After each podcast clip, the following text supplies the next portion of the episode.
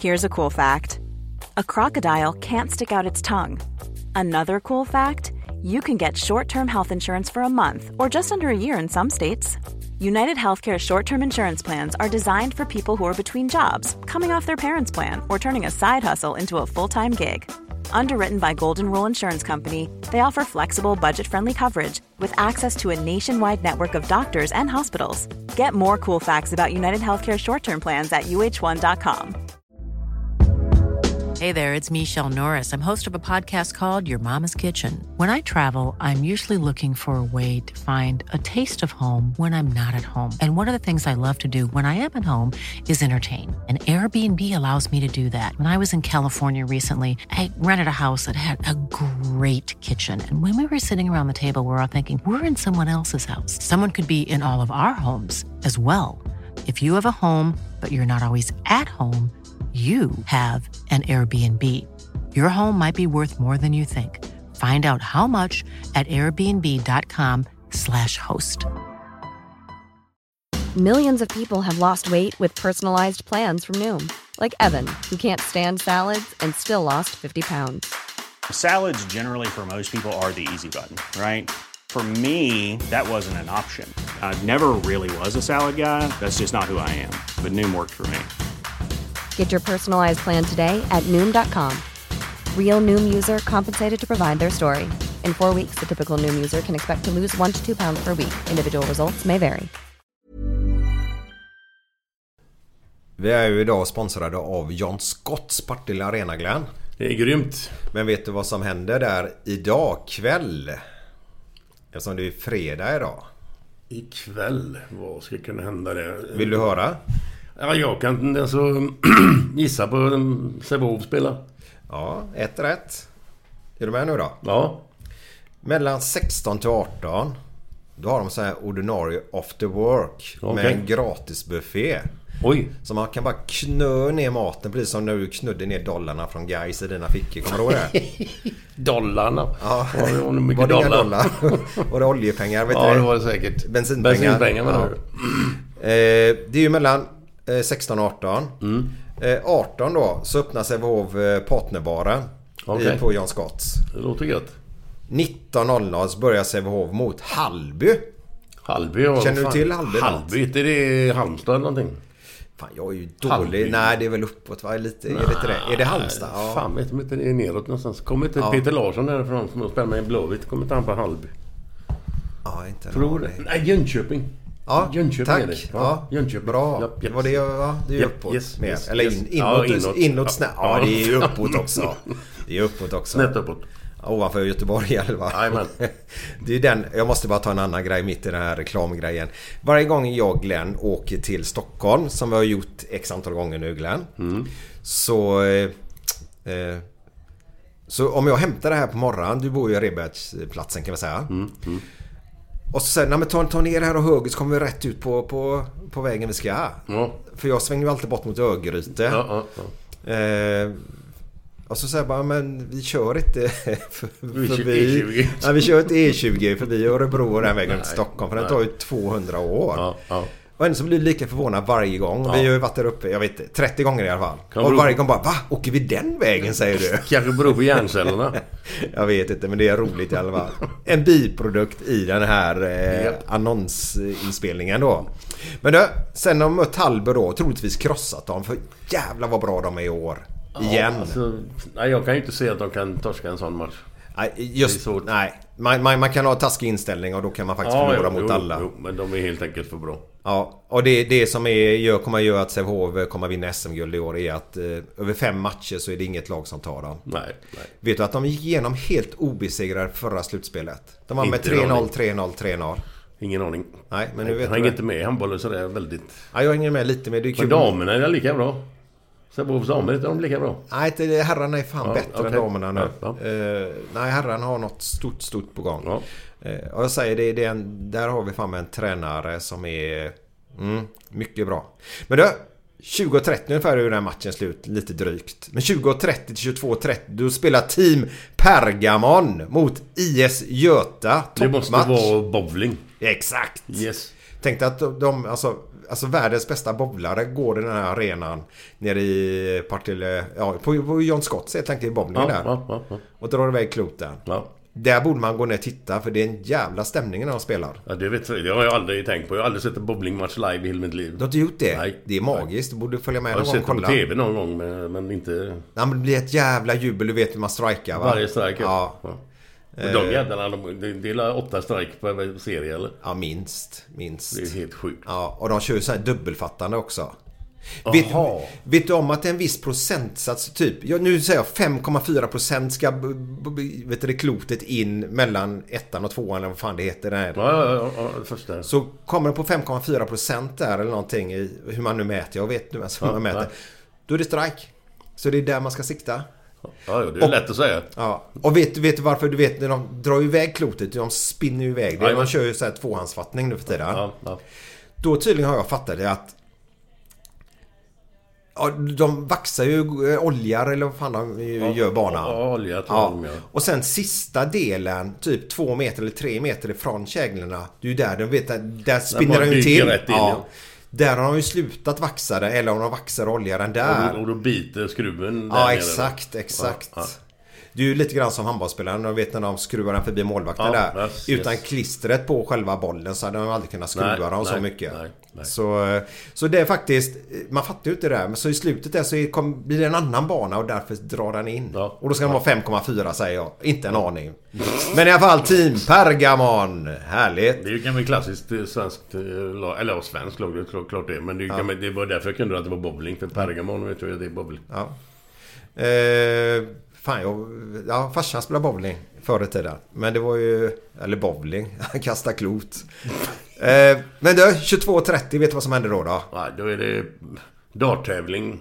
Tre drag på scen. Tre Fattar. drag. Ja, är det de här musikerna? Du fattar, då blir det stämning där Det är nere. heldag där då. Då ska de håriga lurvas loss, eller vad säger man? Lurv, alltså, vad fan... Vad säger benen. man? Ja, då, då ska vi... Jag kommer inte ihåg. Ska vi få dansas de lurviga Ja. benen? Eller ja, fan vet. Får gärna prata närmare micken Ja, ja, ja. Eh, ja, men så är det tre drag. Och du vet vad det är after worken där mellan eh, 16 och 18. Då är det jävligt bra priser på ölen också. Ja, ja. Och det är väl eh, gött ännu öl också? Ja, det hoppas jag. Den höll på att ta slut förra helgen. Så hoppas han beställt mer nu. Ja, ja, ja. Men i alla fall, John Scott, Partille Arena. Tack! Glenn, den här veckan har vi med oss Göteborgs måleri. Åh, vad gött. Ja, härligt. Det är du och någon till eller? Eh, Ja, jag ju, hjälper ju till dem Ja, ganska ja, ja. mycket då. Så Ja. är det Sandor och Micke som vi har spelat paddel med mycket. Mm. Så är det ju. De, ja, ja, ja, ja. Och de köpte ju din härliga tavla också. Ja. För så gick ju pengarna till eh, Mikael Ljungbergs minnesfond. Ja, det skadar ju inte. Det är Nej, jättebra. För, skitbra. Yes. Jag har precis varit och gjort lite jobb för, för dem eh, ihop med, med, med Toppi. En eh, härlig målare på Göteborgs måleri. Toppi. Ja, Ja. otroligt duktig. Okej. Ja, jag, jag gillar ju duktiga målare. Ja, ja visst. Mm. Men jag kan, ju, kan ju inte den biten. Så att, Nej, om, du, om det är en som har målat en köksvägg så ser inte jag om det är den eller den som har gjort. nej men det, det kan man faktiskt göra. Ja, om man är insatt i det. Ja. Det, det finns ja. bra målerier Ja, så ja. finns det mindre bra målerier. Jajamän, jajamän, säkert. Ehm, så, så jag och Toppi gick där uppe i, i Hammarkulla och målat här nu och... Ja, du eh, snackade om för några veckor sedan Ja, att du ja. varit där uppe. Ja. Så eh, mycket härligt. Och, Ja. och det som jag gillar med Göteborgs måleri. Jag gör ju mycket jobb för både Sandor och Micke. Roger också. Eh, Roger arbetsledare. Eh, och alla där som, som jobbar på Göteborgs måleri. Det här är inget fjäsk utan det är bara så otroligt härliga människor. Och Men det är inte, inte de, de flesta... Eh, typ alla hantverkare, snickare, målare, elektriker, ju rörläggare. De är ju goa gubbar. Ja, det finns många, Fan, grin... jag- det jag- finns jag- många griniga Ja, där ute Jag har inte träffat på någon, men nu är det ju hundra år sedan jag jobbar själv. Men, men, Ja. men, eh, men det känns som att det är goa gubbar de flesta va? Ja men det är det. det, är det. Bara man får ner garden på vissa. Ja, ja. ja. Det finns många besserwissrar där Ja, ute. okej, okej, okej. Men de får man ner ganska snabbt.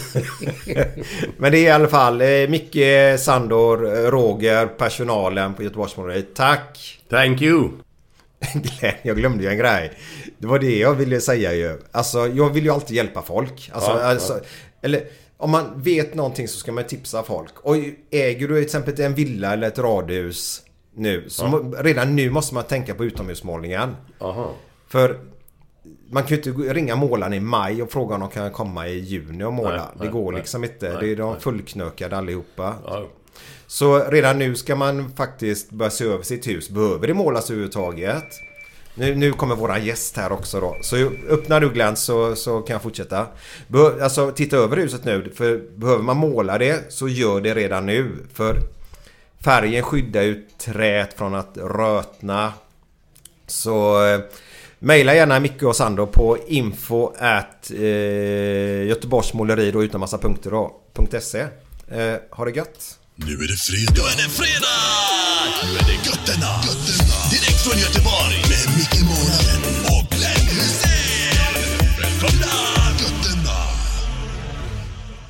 Tjenare! Det här var eh, Glenn Hysén här och Micke Målan. Välkomna till Gött podden Idag har vi en gubbe där som har satt och skrek och var helt eh, galen till för ett par veckor sedan. Man var helt loss framför TV-apparaterna. Och det är ingen mindre än eh, Andreas Pallika. Wow, wow, wow! Tjena, tjena. Oj, Det oj, som oj. hände där, det har, jag, jag har aldrig upplevt något liknande. Alltså, de, de ser kvartsfinal, semifinal. Jag satt som en skollad råtta framför TVn alltså, helt vild. Det, Vi det, har- vi har förstått detta att det var lite svettigt här hemma. det var det extremt var det. Extremt. Men vi kommer till EM. Eh, Hela den resan ni gjorde där. Yes. Eh, det var ju så att eh, jag ska tacka Jonas förresten, Pri- Prioritet Finans, Ja, som har ja. kopplat ihop oss. Yes. Ja.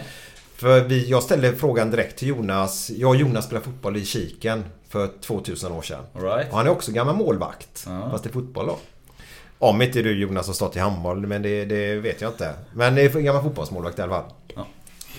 Eh, fan vad härligt. Glenn rättar till gästen med, med mikrofonen. Ja, jag har ju hört det hundra orutinerad gånger. Nej men jag sitter ju så här på Glenn 30 gånger säkert i varje podd. Att han ska gå närmare då. Eh, Så jag gillar det.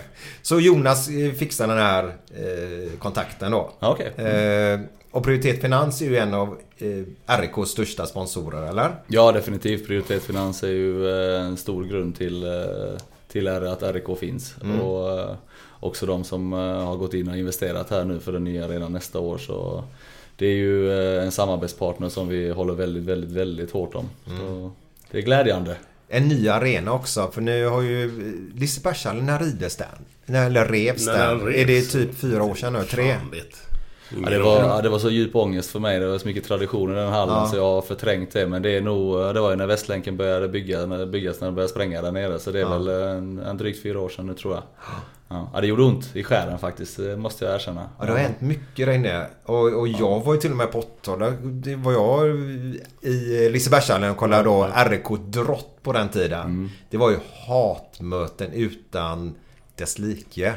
Var det med de här, vad heter han? Böna hette ju någon i RIK. Eller väl vet, i, Drott menar Ja, jag. Björn, Böna. Björn Andersson? Eller Björn- nej? Nej, Nej, han var i Saab. Du får tänka på att jag är rätt ung här nu så jag har inte varit med så jäkla länge. Men eh, vi hade ju gubbar som eh, Frasse, bröderna Franzén Ja, ja, ja, och ja, ja. Lövet och Bokvist och Gensel och Jobbo i RIK liksom. Men nu är vi på Nu 90-talet är vi Vad faktiskt. hette Ja. han? Andersson hette han inte någon Andersson som var Jo? Magnus. Magnus Andersson. Magnus Andersson Ja, ja. jag. Att jag inte hittade den, det är ju lite skämselkudde. Ja, nu snackar vi riktigt drottare Ja, verkligen. ja, Han, eh, Magnus Wislander har varit med i våran podd för, säg också 2000 år sedan då. Eh, då berättade han faktiskt att när de, det var sådana här hatmöten verkligen mellan dessa två lagen och Drott och, och RIK. Och då berättade han, Magnus sa det skulle aldrig hända idag över, överhuvudtaget. Eh, men när, alltså Magnus Wislander berättade där att Magnus Andersson då kom.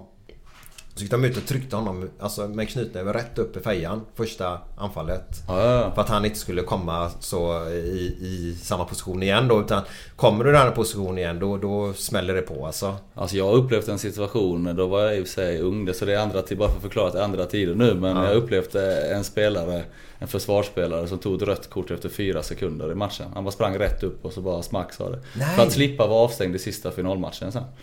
Då direktkort ledde inte, ledde inte till eh, avstängning. Men hade han fått ett gult kort till så hade det lett till avstängning. Så det var ett taktikdrag där. så det var andra tider då. Det hade kanske straffats lite annorlunda. Ja, idag. hade det ju... Shit, det hade ju rykt på hela Twitter alltså. Ja, ja, ja, ja. Men vad var... Nej, hur länge sedan var detta? Eller vad var det för match? Det, det var ju på, på den här tiden. Det är ju en, eh, en eh, gammal känd eh, spelare i RIK också, Jerry Hallbäck. Nu för namnger man, säljer man ut han här också. Ja, Men var det är ju, helt okej. Det var en eh, kändis på den tiden. Han var också känd för att dela ut ett par, eh, par extra smällar. Ja.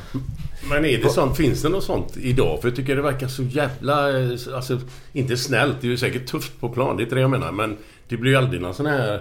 Det är en jävla schysst sport på något sätt tycker jag, handboll. För de, det är ingen jävel som gnäller på domaren. Det är, ingen, det är inget jävla tjafs. Nej, handboll är enligt mig en speciell uppfostran. Alltså det blir ju, det är ju en gentlemannasport. Alltså man växer ju in i det. Det hjälper inte Så- hur mycket du tar bort. Vad heter hon? Ja, nu var det bara... Nu fick vi ett, ett avbrott. Katten gick rätt över tangentbordet på min dator som jag spelade in den här podden Ja. med. Och... Jag vet inte vad jag ska göra för den går inte att låsa in den här. Skjut den! Missy va?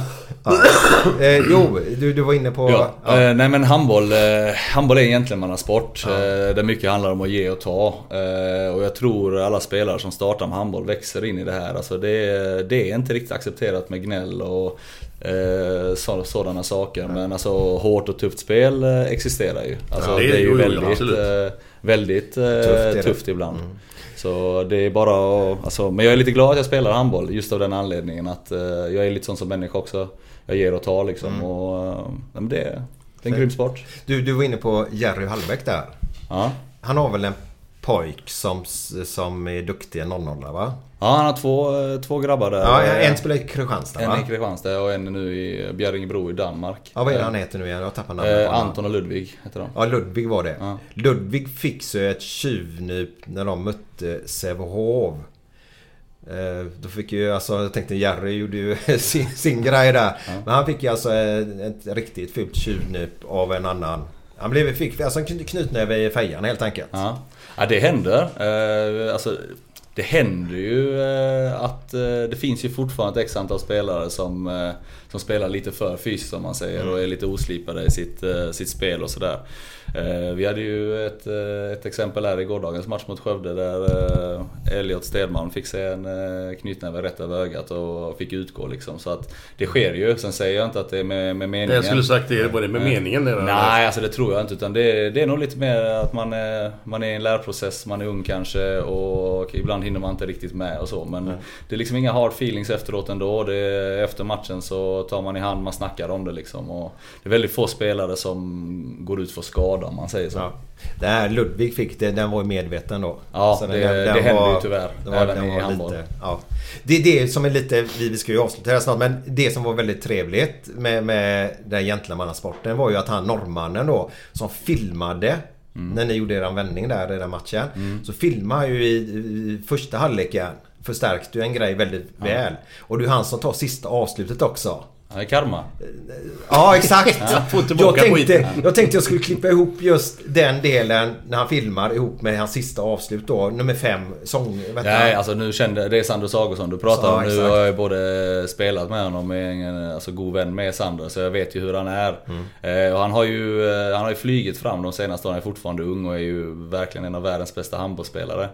Eh, och han har ett enormt ansvar i eh, både Norge och eh, i Kiel där han spelar nu liksom. Och eh, han har väl blivit lite eh, känd för det här liksom. Ja, att, så. eh, Ja. att han, eh, han faller lite lätt bakåt. Eh, Men han får också, det ska man veta, att han får enormt mycket mer stryk än, eh, än många andra spelare just på Mm. det sättet han spelar. Han sticker alltid dit näsan och så. så tycker det, han, blir väldigt, han blir uppmålad som en, eh, ja vad ska man säga, en liten fjant. Ja. eh, I alla fall i svenska medier. Och jag är ju inte beredd att hålla med eh, om det. Jag vet, vet vad han står för egentligen och eh, hur mycket stryk han egentligen får ta. Mm. Eh, Och det är ju självklart så. Alltså, en, Norges bästa spelare, han måste man ju smälla på annars så eh, hade det sett annorlunda ut i den matchen.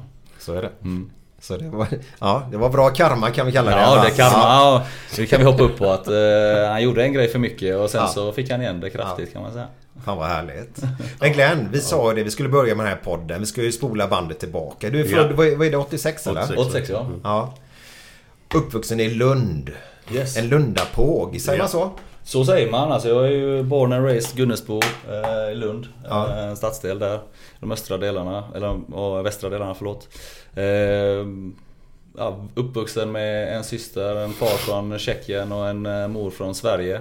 Tjeckien, vad, hur träffades de? Eh, Ja, nej, men farsan han, eh, alltså ryska invasionen och ockuperingen där 1968. Så Ja, var, just det ja. var han kvar ett par, par år han var en liten eh, underground hippie som, eh, som gjorde sin egen grej så att säga. Och, Underground hippie. Så, så kan man väl säga. Det var inte först med att lyssna på radio och lite såna här grejer. Han, han skulle behöva skriva en bok den. Alltså Okej. alla historier han har berättat för mig. Det är helt otroligt egentligen.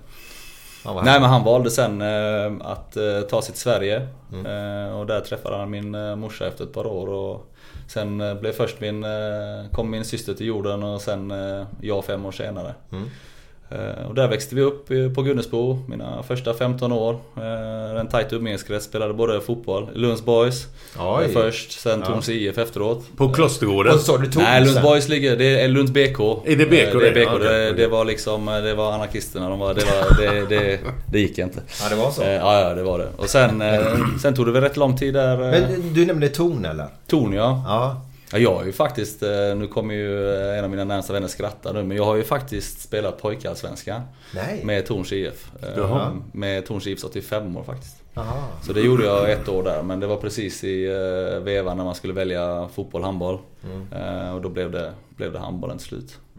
Till min fars förtvivlan. Men, men, du, men du var någon speciell händelse där? som gjorde att du valde handboll till slut? Eller? Ja, det krockade faktiskt för första gången. Det var en eh, DM-final i handboll och en, eh, en pojkallsvensk match då. Eh, Och då, då hamnade jag helt plötsligt i valet. Jag var väl lite naiv där, inte tänkt en tanke på det. Jag tyckte båda var svinroligt liksom och körde bara på. Och träningarna matchade varandra perfekt och så. så. Sen kom det och då, då valde jag att spela DM-finalen och så blev Sen det på den vägen. Ja, ja. Ja, sen kom ju gymnasievalen och då, då visade det sig att jag hade talang i handboll och det var många gymnasium som hörde av sig och man märkte att eh, den här frihetskänslan, få flytta hemifrån när man är 15, vem får göra det? Så då Men började... var inte det läskigt då? Nej, alltså jag hade det rätt, eh, ska man säga. Alltså jag hade en eh, kanonuppväxt på Gunnesbo egentligen. Alltså vi håller ihop än idag. Eh, det umgänget jag hade där. En riktigt härlig blandad kompott och folk som har flyttat hit och dit. Några här i Göteborg, några i Stockholm, några utomlands. Så alltså jag trivdes enormt bra men i högstadiet där så hade jag väl lite andra intressen än, eh, än, än skola och idrott så att säga också. Och, eh, ja, hade väl inte riktigt eh, rätt fokus i livet där och då.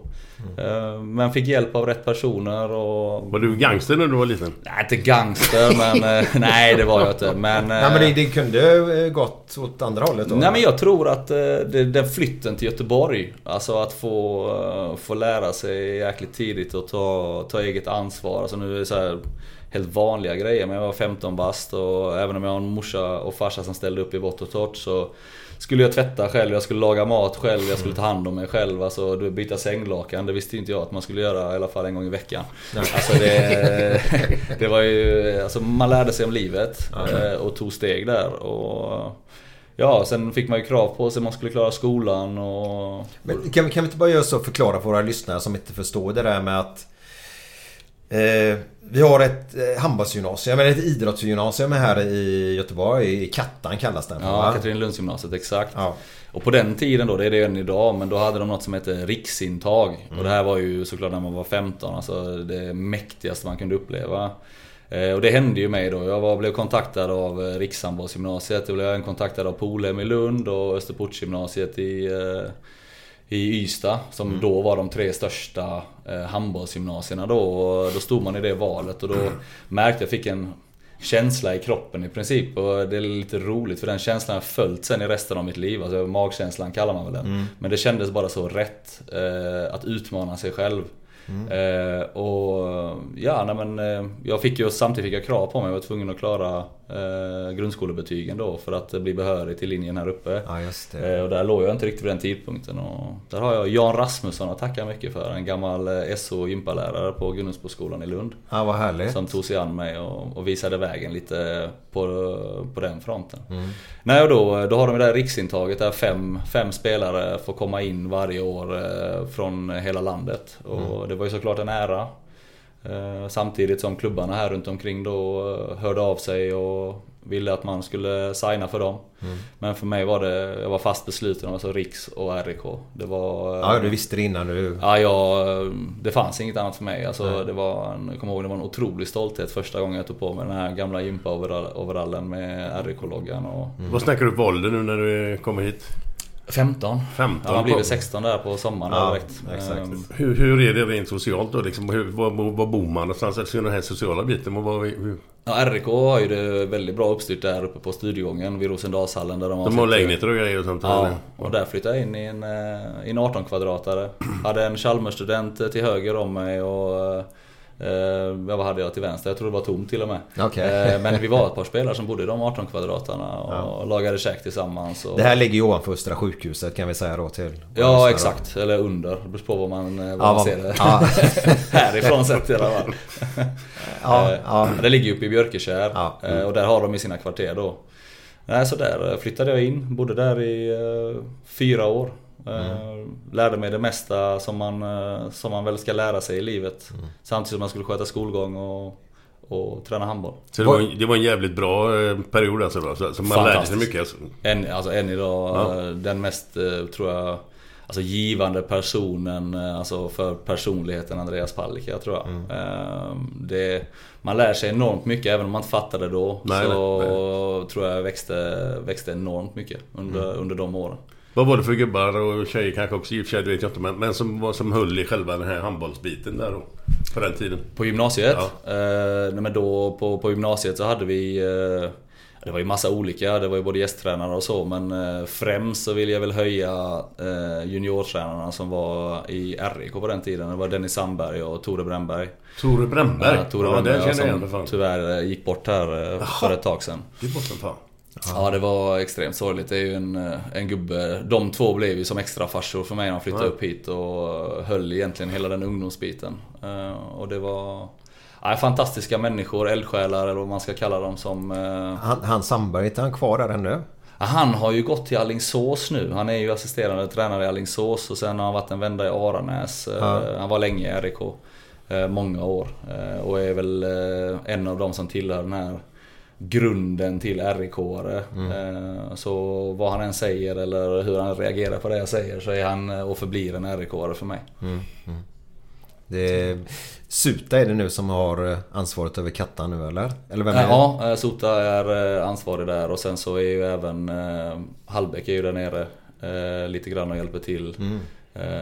Det är massa runt omkring. Fick rätt hand han har hand om Ja, ja. målvaktsbiten och så. Jag måste faktiskt säga att jag är rätt, rätt dåligt uppdaterad på, på hur det har utvecklat sig på Kattan sista tiden. Jag vet Mats Winkvist, min målvaktstränare nu, han är ju rektor där till och med. Oj. Så jag ska ju ner här nu om några veckor och eh, ja, snacka lite med ungdomarna och Mm. Men Sota, inte det... Jag spelar mot en som heter Sota. Ja, det finns en släkt här Ja, ja, i Göteborg Ja, det som är spelar. Ja. Ja. Och då hade de någon... Eh, Sota, men han spelade inte RIK då tror jag. Det var något annat lag antagligen. Nej, Jasmin han, han var ju... Nej, Jasmin var det Nej. Bär- Sota, vad fan heter? De hade ju Suta, en duktig fotbollsspelare i Häcken. Ja, men han är måste ju tillhöra släkten. eller- ja, och sen så men- var det många som spelade i BK Heid. Ja, det stämmer. Eh, så var det väl någon i Frölunda detta också tror jag. Ja, Men nu är vi ju, ja, ja nu är vi 90-tal då. Ja. Men det, det var en stor släkt. ja det är de, men det är de fortfarande. Eh, men eh, Jasmin, han, eh, Jasmin som jag eh, har fått ta del av då och hans grabb som är i RIK nu då. Han var ju tränare, A-lagstränare för RIK fram tills förra säsongen.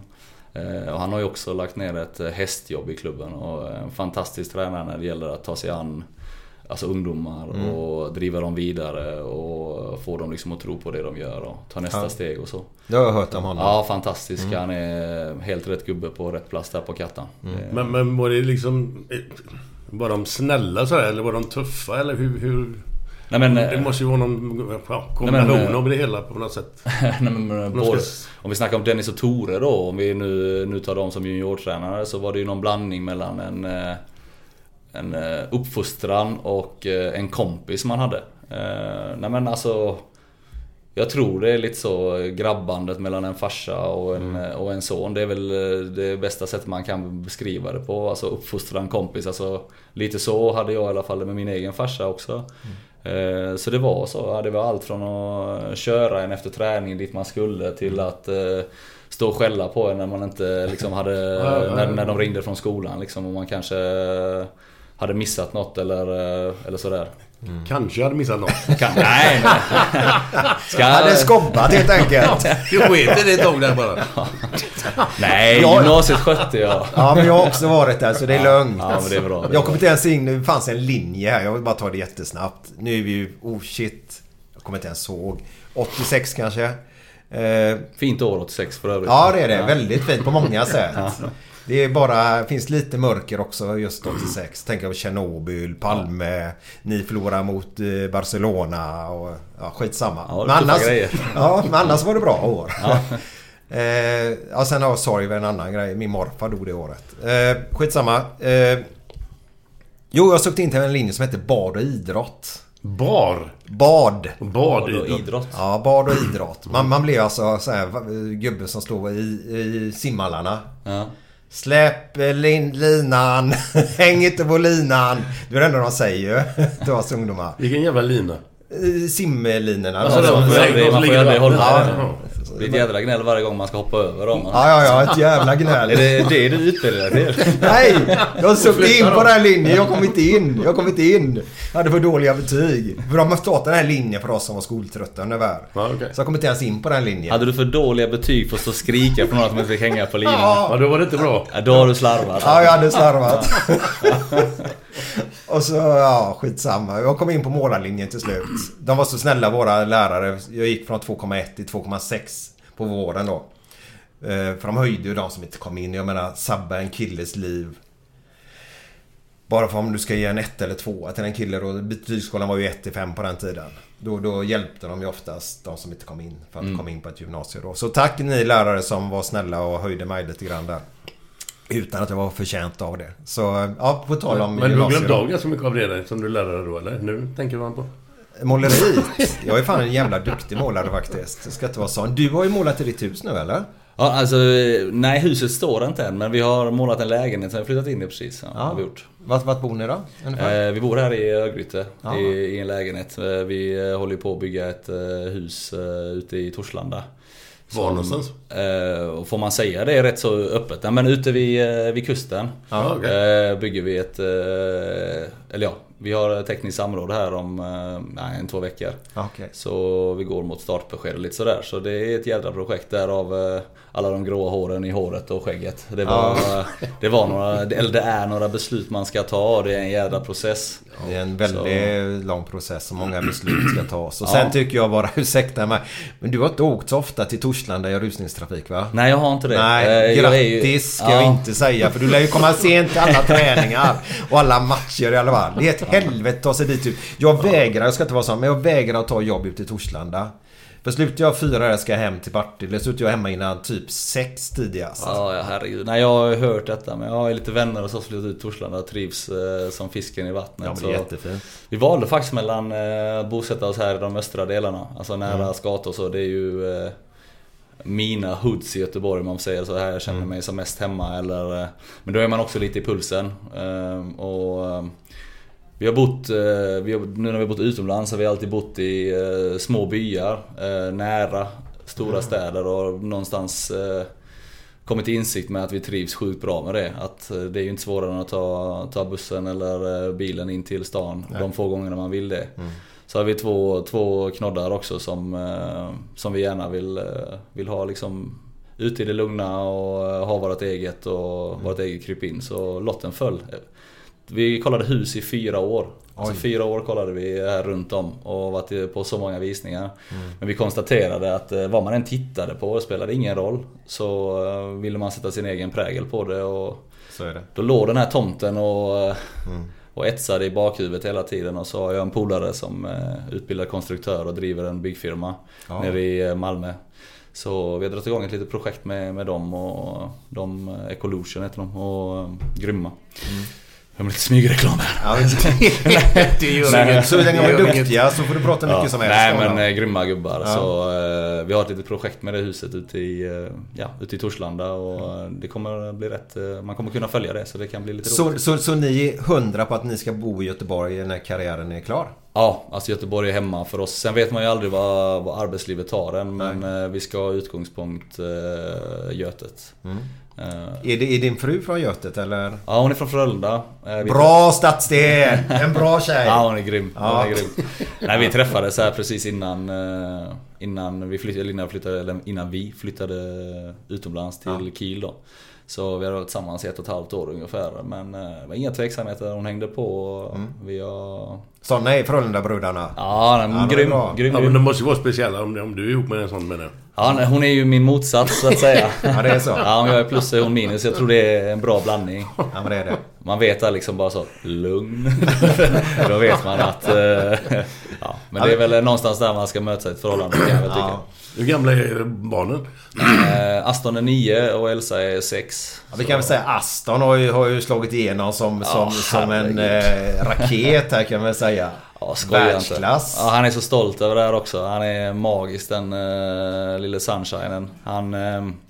vet- som man kanske förstår, eh, nu vet jag inte hur det var på din tid, men idag med sociala medier och sånt så jag har varit väldigt beskyddande med att eh, ha ja, alltså vad säger man, offentliggöra mina barn eller, eller ja, sådär. ja. För att man vet hur snabbt det kan eh, vridas och vrängas. Men det blev ju en solskenshistoria det här. Och liveintervju på Landvetter, han har inte sovit en timme farsan. Och så kommer han och möts med en stor kram och så vräker han ur sig de grejerna han gör. Det blev ju bara Men Du, men, magiskt. men det, jag kan säga att alla våra lyssnare här har ju inte sett det här klippet. Jag har ju sett det flera gånger. Jag tycker det är magiskt. Kan, kan du berätta vad det var som hände? Ja nej, men SVT högg oss eh, där snabbt och så var det... Och Aston hoppade ju på och blev ju stolt som en eh, fyra där och stod rak och eh, första TV-intervjun tänkte han och så han bara... Så får han ju frågan då hur, hur bra tycker du pappa är? Så ska- säger han bara ah, han är bäst i världen. Och så bara nej, nej, nej han är näst bäst i världen. Så Niklas Landin. eh, Danmarks landslagsmålvakt och han är bättre. Ja, det, det känner jag Ja, ja, igen nu. Ja, alltså det är ju det är rätt iskallt men eh, någonstans så blir jag, blir jag bara varm och väldigt stolt över att, det eh, fan att det är det. så. Det är grymt. Eh, han, eh, det är en ärlig pojke, det tror jag Ja, han har men ärvt av sin Spelar farsa han eller kör han själv handbollstränare så eller? Ja, han har börjat här uppe i RIK nu. Ja, så ja. Han, han kör, spelar fotboll i RIK, eller handboll i RIK och fotboll i eh, Lunden med sin kusin. Så att, Ja. eh, det är grymt. Ja, härligt. Det är ju det som är det roliga just att han... Nej, pappa är inte bäst. Han är näst bäst. Det är ju det som är genomslaget på hela den intervjun alltså. Ja. Det är Ja, vi, man kämpar ju mycket med det, alltså för han, eh, eh, eller för mina barn. eh, Vill man ju bara vara pappa. Det tog ju eh, Alltså tre år tror jag det tog innan min dotter Elsa, alltså de får ju alltid komma ner på banan efter matcherna. Det är 13 000 nere i Tyskland där och sitter de och Så ser de eh, mig då hoppa runt där som en, eh, som en gorilla och skrika och så. Så hemma så är man ju en helt annan person och hon blev ju chockad. Så kom han där, sträckte ut armarna och skulle ta ner henne på banan. Så hon vågade ju inte ta i mig. Hon trodde bara vad är det som har hänt? Hon var ju liten då men det är lite sådana grejer. Och, Måste du ta de pillerna pappa? ja det är ju... eh, Ja, men jag spelar väldigt mycket med hjärta och intuition liksom. Och då Men du kommer hade det ju aldrig varit den du är om du inte hade haft det. Nej, och sen är det ju faktiskt många, det är lite intressant för det är många som har frågat ah, kan, du inte, kan du inte beskriva de här känslorna och de här skriken och så men Man kan ju inte beskriva något som kommer naturligt. Nej, jag vet inte det är hur man ska göra det.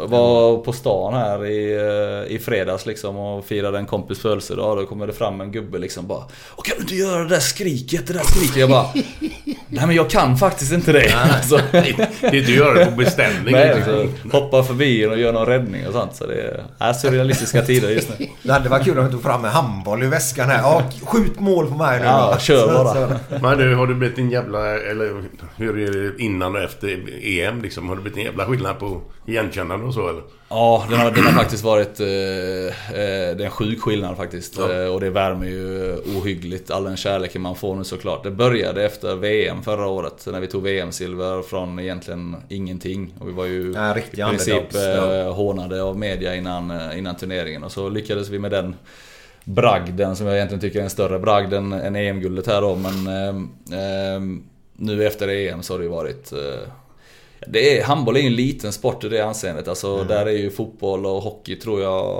alltså, mycket större. Och jag var inte beredd på det. Alltså sitter på spårvagnen med frugan och när vi ska gå av så applåderar spårvagnen. Och man sitter på en restaurang och så bjuder de på champagne. Och, alltså, jag väljer att vara ödmjuk i det avseendet och säga att eh, alltså, jag hade inte kunnat förvänta mig i mina vildaste drömmar att jag som handbollsspelare Andreas Palicka skulle få uppleva sådana grejer. Så det är rätt svårt att ta in faktiskt.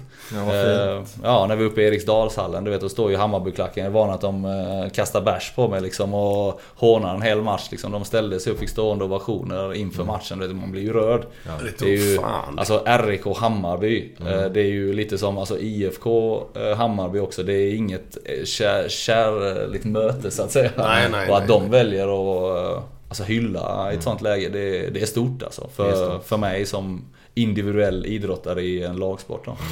Det är det som är väldigt fint när, när man tar väck klubbfärgerna och, och hyllar personen då. Jag tycker det är väldigt fint. Ja. Eh, och jag såg ju den intervjun du hade efter den matchen också. Man, man fick ju se på, på TV Ja. där. Och då, vad står det? Typ 150-200 unga bakom själva intervjupodiet där då. Var det efter finalen eller? Nej, Nej, nej, det var Hammarby. uppe, Alltså, uppe med Hammarby. jaha. Uppe i Stockholm. Så nej, det var riktigt fint. Riktigt Ja. fint. Alltså det är en enorm, enorm skillnad och alltså någonting såklart som um, vi hoppas på i svensk, alltså det gynnar ju svensk handboll jättemycket. Ja, jag tror fan det. Framgångar gynnar ju alltid men jag tror att det som har eh, Har liksom gett allt det här tror jag är det genuina som eh, Som vi har byggt på i två år som man någonstans måste sälja in bra i TV-rutorna. Det, det är den känslan som jag får förmedla till mig. Det är ju ett lag som eh, Alltså jag skulle sätta alla som barnvakt för mina egna barn så att säga. Om man då, eh, om man då, om man då får uttrycka sig så. Det, det är en grupp som eh, väljer att kämpa för varandra och eh, har klättrat över de största bergen så länge tillsammans. Och det, det är lite av styrkan i svensk lagidrott. Vad härligt. Ja, fantastiskt. Vi ska gå igenom hela den, den EM-eran, eller vad säger man? EM-resan kan man kalla det? eller? Ja, kan, kan vi göra. För jag är så jäkla glad att vi sitter här idag och inte gjorde den här intervjun, eller intervjun, köttet innan du åkte till EM. För det har inte blivit samma sak. Nej. Så, så eh, det är ju superbra att vi är här och nu. ja, ja. Men Glenn, Ja. det är ju fredag nu. Yes. Du ska bygga ett hus. Mm. Du är ju hantverkare, knegare som ska göra det. Det är, så är det. Ja. Eh, vi har knegare egentligen över hela, hela, hela, hela, hela samhället naturligtvis. Eh, och det är fredag eftermiddag på väg hem. Ja. Mm. Vad bör de tänka på? Ja, ta, ha en god eftermiddag och sätt på eh, någon god låt. Kanske din låt? Ja, varför inte? Ja, Glenn har släppt musik. Oj, mäktigt. Nu är inte jag med riktigt vad man menar här bara men... Ja, men du har ju släppt låt. Ja, men vilken då? Hur många låtar har du släppt? Ja men alltså jag vet inte vilken du tänker väl, jag fattar inte. Gubbröra är den som heter, men, men den som du snackar om, jag kommer inte ens ihåg vad den heter. Alltså det är så? Ja, Okej. och du skrattar men ge mig en... Ska vi höra på den då? Ja, man gör det. Och så kör vi lite fredagskänsla nu då. Ja, det gör vi. Ja, vi kör.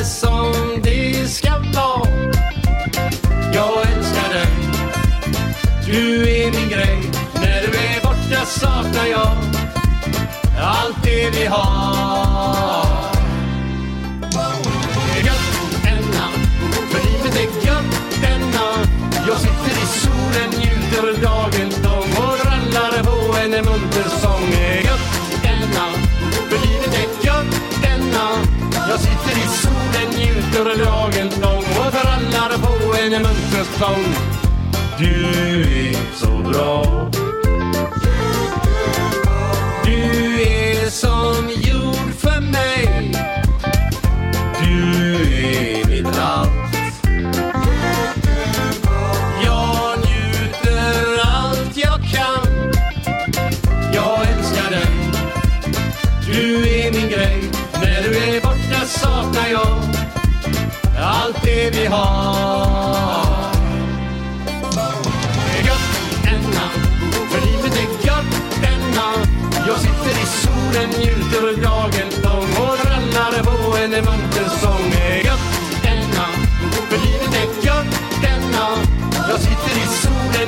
Njuter och trallar på en munter sång.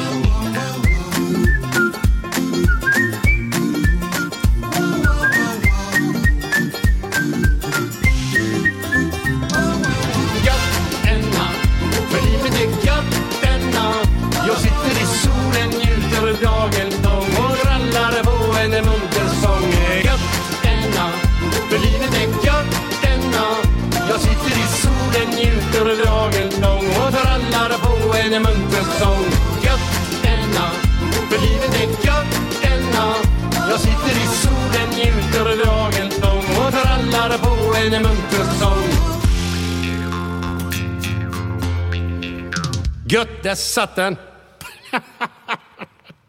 Ja, det var min låt som inte jag vet vad den heter knappt. Men den är världsklass. Ja, fantastiskt bra. Ja, För de som är tondöva. ja exakt. Det, det, det är så kul Andreas att höra. Du brinner verkligen för ungdomsidrott. Ja, verkligen. Och det, då känns det verkligen som att eh, ungdomsidrotten för dig gav dig otroligt mycket. Ja, nej men eh, den gav väl en allt. Alltså förutsättningarna för att uppnå det man har gjort eh, idag. Det, det finns ju väldigt mycket eldsjälar och så eh, runt om i alla, alla klubbar eh, och förening, i föreningsliv överhuvudtaget som, eh, som krävs för att eh, ja, men ba- barn ska komma till idrotten och faktiskt eh, orka vilja fortsätta. Eh, och det finns väl inget bättre för eh, ungdomar och barn att ha idrott som, som intresse, vad det nu än är. Ja, exakt. Sen tycker jag ju själv det har varit väldigt speciellt med en lagidrott då. Alltså jag älskar ju det här tugget och köttet och omklädningsrummet och eh, någonstans den socialiseringen. Eh, som Man växer mycket som människa. Man träffar ju väldigt många, många människor. Jag tror du Glenn har gjort det under din resa också. Man träffar ju Några dårar ja. Ja, många dårar. Men eh, främst så får man då äran att pröva på proffsliv och sådana grejer så träffar man ju väldigt många olika kulturer och lär sig om dem och märker hur folk reagerar på, på olika saker. Och det är ju grymt. Alltså det har ju gett mig som människa jättebra. Men för att återvända till ungdomsidrotten så är det ju A och O för att eh, det jag gör idag ska finnas. Så eh, ja, man är tacksam och, och, och glad för, eh, för alla de människorna som finns där ute som eh, ja, stod, stod, stod upp för oss när vi var, när vi var små. Och som gör den idag. Små, små och busiga. Ja, så Ja. Men det- din, din son, kommer han att Är det målvakts... Och så gäller eller? Nej, det är det inte. Han, Nej. han får välja helt själv. men det, kan vara, det är ju lätt hänt att det blir så men Ja, men man märker ju efter EM här nu, eh, nu är det det bästa jag vet, eh, att eh, gå ner på hans träningar och bara kolla. Nu är det ju svårt att göra det utan att ta, ta någon, någon strålkastarblick från honom och det är lite det värsta jag vet. Jag menar när han är där så är han där. Sen kan jag inte komma ifrån mina farsakänslor att det är det bästa jag vet. Så det blir någon form av orättvis situation för för, för båda två så försöker sköta det på ett snyggt sätt men eh, jag har alltid sagt eh, Han väljer sin egen väg och han gör vad han vill. Nu råkar han vara vänsterhänt och var 60 cm när han föddes så han har väl förutsättningar för något annat då. Var han 60 centimeter? Ja, jag kommer och fick kontrollmäta han eh, tre gånger och man bara det stämmer inte. Sen bara här är din bebis. Man bara vadå här är min bebis? Det var en rejäl pojk när han kom ut så att och han följer väl den kurvan. Stor kille. Eh, och ja, just nu spelar han lite allt möjligt eh, Men- på men- plan. Liksom. Men vänsterhänt och stor skytt säger vi då. Ja. Alltså, Nej, jag får ringa Kim Andersson då så ber han lära han lite. Jag kan, jag kan inte spela ute, det säger gudarna vet. nej, men, men, men de är ju eftertraktade. Ja, jo men det, jo, men det är de. Men vad, vad säger du? Inte spela ute? Du gjorde ju för fan tre mål i EM eller vad var det? Ja men det är ju skjuta på 30 Ja meter. men det Det är, är grymt ju. Vi... Eh, ja, det, det, det, jag och Glenn har pratat om... Vi snackar 7-6-spel nu då. Mm. Men vi kommer in på... Ska vi, ska vi ta det direkt? Tar för det vi- man- så man inte glömmer av det. Så. Ja, vi... vi eh, det finns ju nu 7-6 spel. Det är man plockar ut målvakt och sätter in en ytterspelare. Och så blir en utvisad i ett lag. Så ja, då plockar man också ut målvakt och spelar 6 mot 6 i anfall då. Eh, Och då tycker jag Glenn att fan det är inte riktigt rättvist. Blir man utvisad ska man ha en fördel. Mm, Det andra laget då. Ja, det är bara en tanke som Ja, så. För förr så hade man ju så här att du kunde byta ut målvakten men då fick du slänga in en västspelare då. Mm, som hade en väst på sig. Bara den västspelaren fick ju byta med målvakten sen då. Så då blev det ju svårare. Då kunde man ju faktiskt ja, hålla fast han lite grann så att inte byte kunde ske och lite sådana saker. Eh, men nu finns den här regeln 7-6 spel och eh, vissa ledare är jätteduktiga på att ha tränat detta och kan, göra det, kan ju vända en match. Jag tror till och med att Åh, om inte jag är helt fel här nu. Eh, Edvardsson som var med i eh, ditt lag nu. Eh, Jonathan. Ja, otroligt härlig människa. Eh, duktig handbollsspelare. Eh, nu fick han ju inte spela så mycket i EM här nu då. Nej men han går framåt som bara den. Ja. I Hannover, i Tyskland. Ja. Han gör det jättebra. Och då spelar han ju i Sävehof. Och Here's a cool fact a crocodile can't stick out its tongue. Another cool fact you can get short term health insurance for a month or just under a year in some states. United Healthcare short term insurance plans are designed for people who are between jobs, coming off their parents' plan, or turning a side hustle into a full time gig. Underwritten by Golden Rule Insurance Company, they offer flexible, budget friendly coverage with access to a nationwide network of doctors and hospitals. Get more cool facts about United Healthcare short term plans at uh1.com. Hiring for your small business? If you're not looking for professionals on LinkedIn, you're looking in the wrong place. That's like looking for your car keys in a fish tank. LinkedIn helps you hire professionals you can't find anywhere else, even those who aren't actively searching for a new job but might be open to the perfect role. In a given month, over 70% of LinkedIn users don't even visit other leading job sites. So start looking in the right place. With LinkedIn, you can hire professionals like a professional. Post your free job on linkedin.com/people slash people today. Millions of people have lost weight with personalized plans from Noom, like Evan, who can't stand salads and still lost 50 pounds.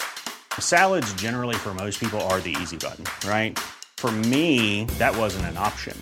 I never really was a salad guy. That's just not who I am. But Noom worked for me. Get your personalized plan today at Noom.com. Real Noom user compensated to provide their story.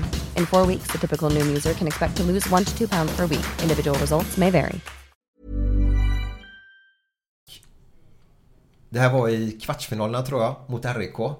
Och så ligger eh, Sävehof under med... Åh nu chansar jag med nio bollar, 10 minuter kvar. Det är väl inte så men något åt det hållet. Och så börjar de spela 7-6 spel. Och så går de upp och kvitterar innan slutsignal. Sjukt ja. Ja, de vänder på det där då. Och då såg man, då kan de använda det. Men vissa lag börjar spela 7-6 från, från att domaren blåser igång matchen. Ja. Och jag personligen, och Glenn, som är gamla gubbar. Vi tycker det är lite tråkigt. Så sett. Nu gjorde du tre mål mot Frankrike i tom bur då. Ja, men jag hoppar på ert tåg där. Jag är ingen förespråkare för 7 mot 6 eh, av den anledningen. Alltså det finns många aspekter när man har tagit eh, det här beslutet att spela 7 mot 6.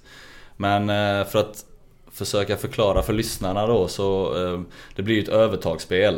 Eh, där det egentligen bara handlar om att få ett övertal.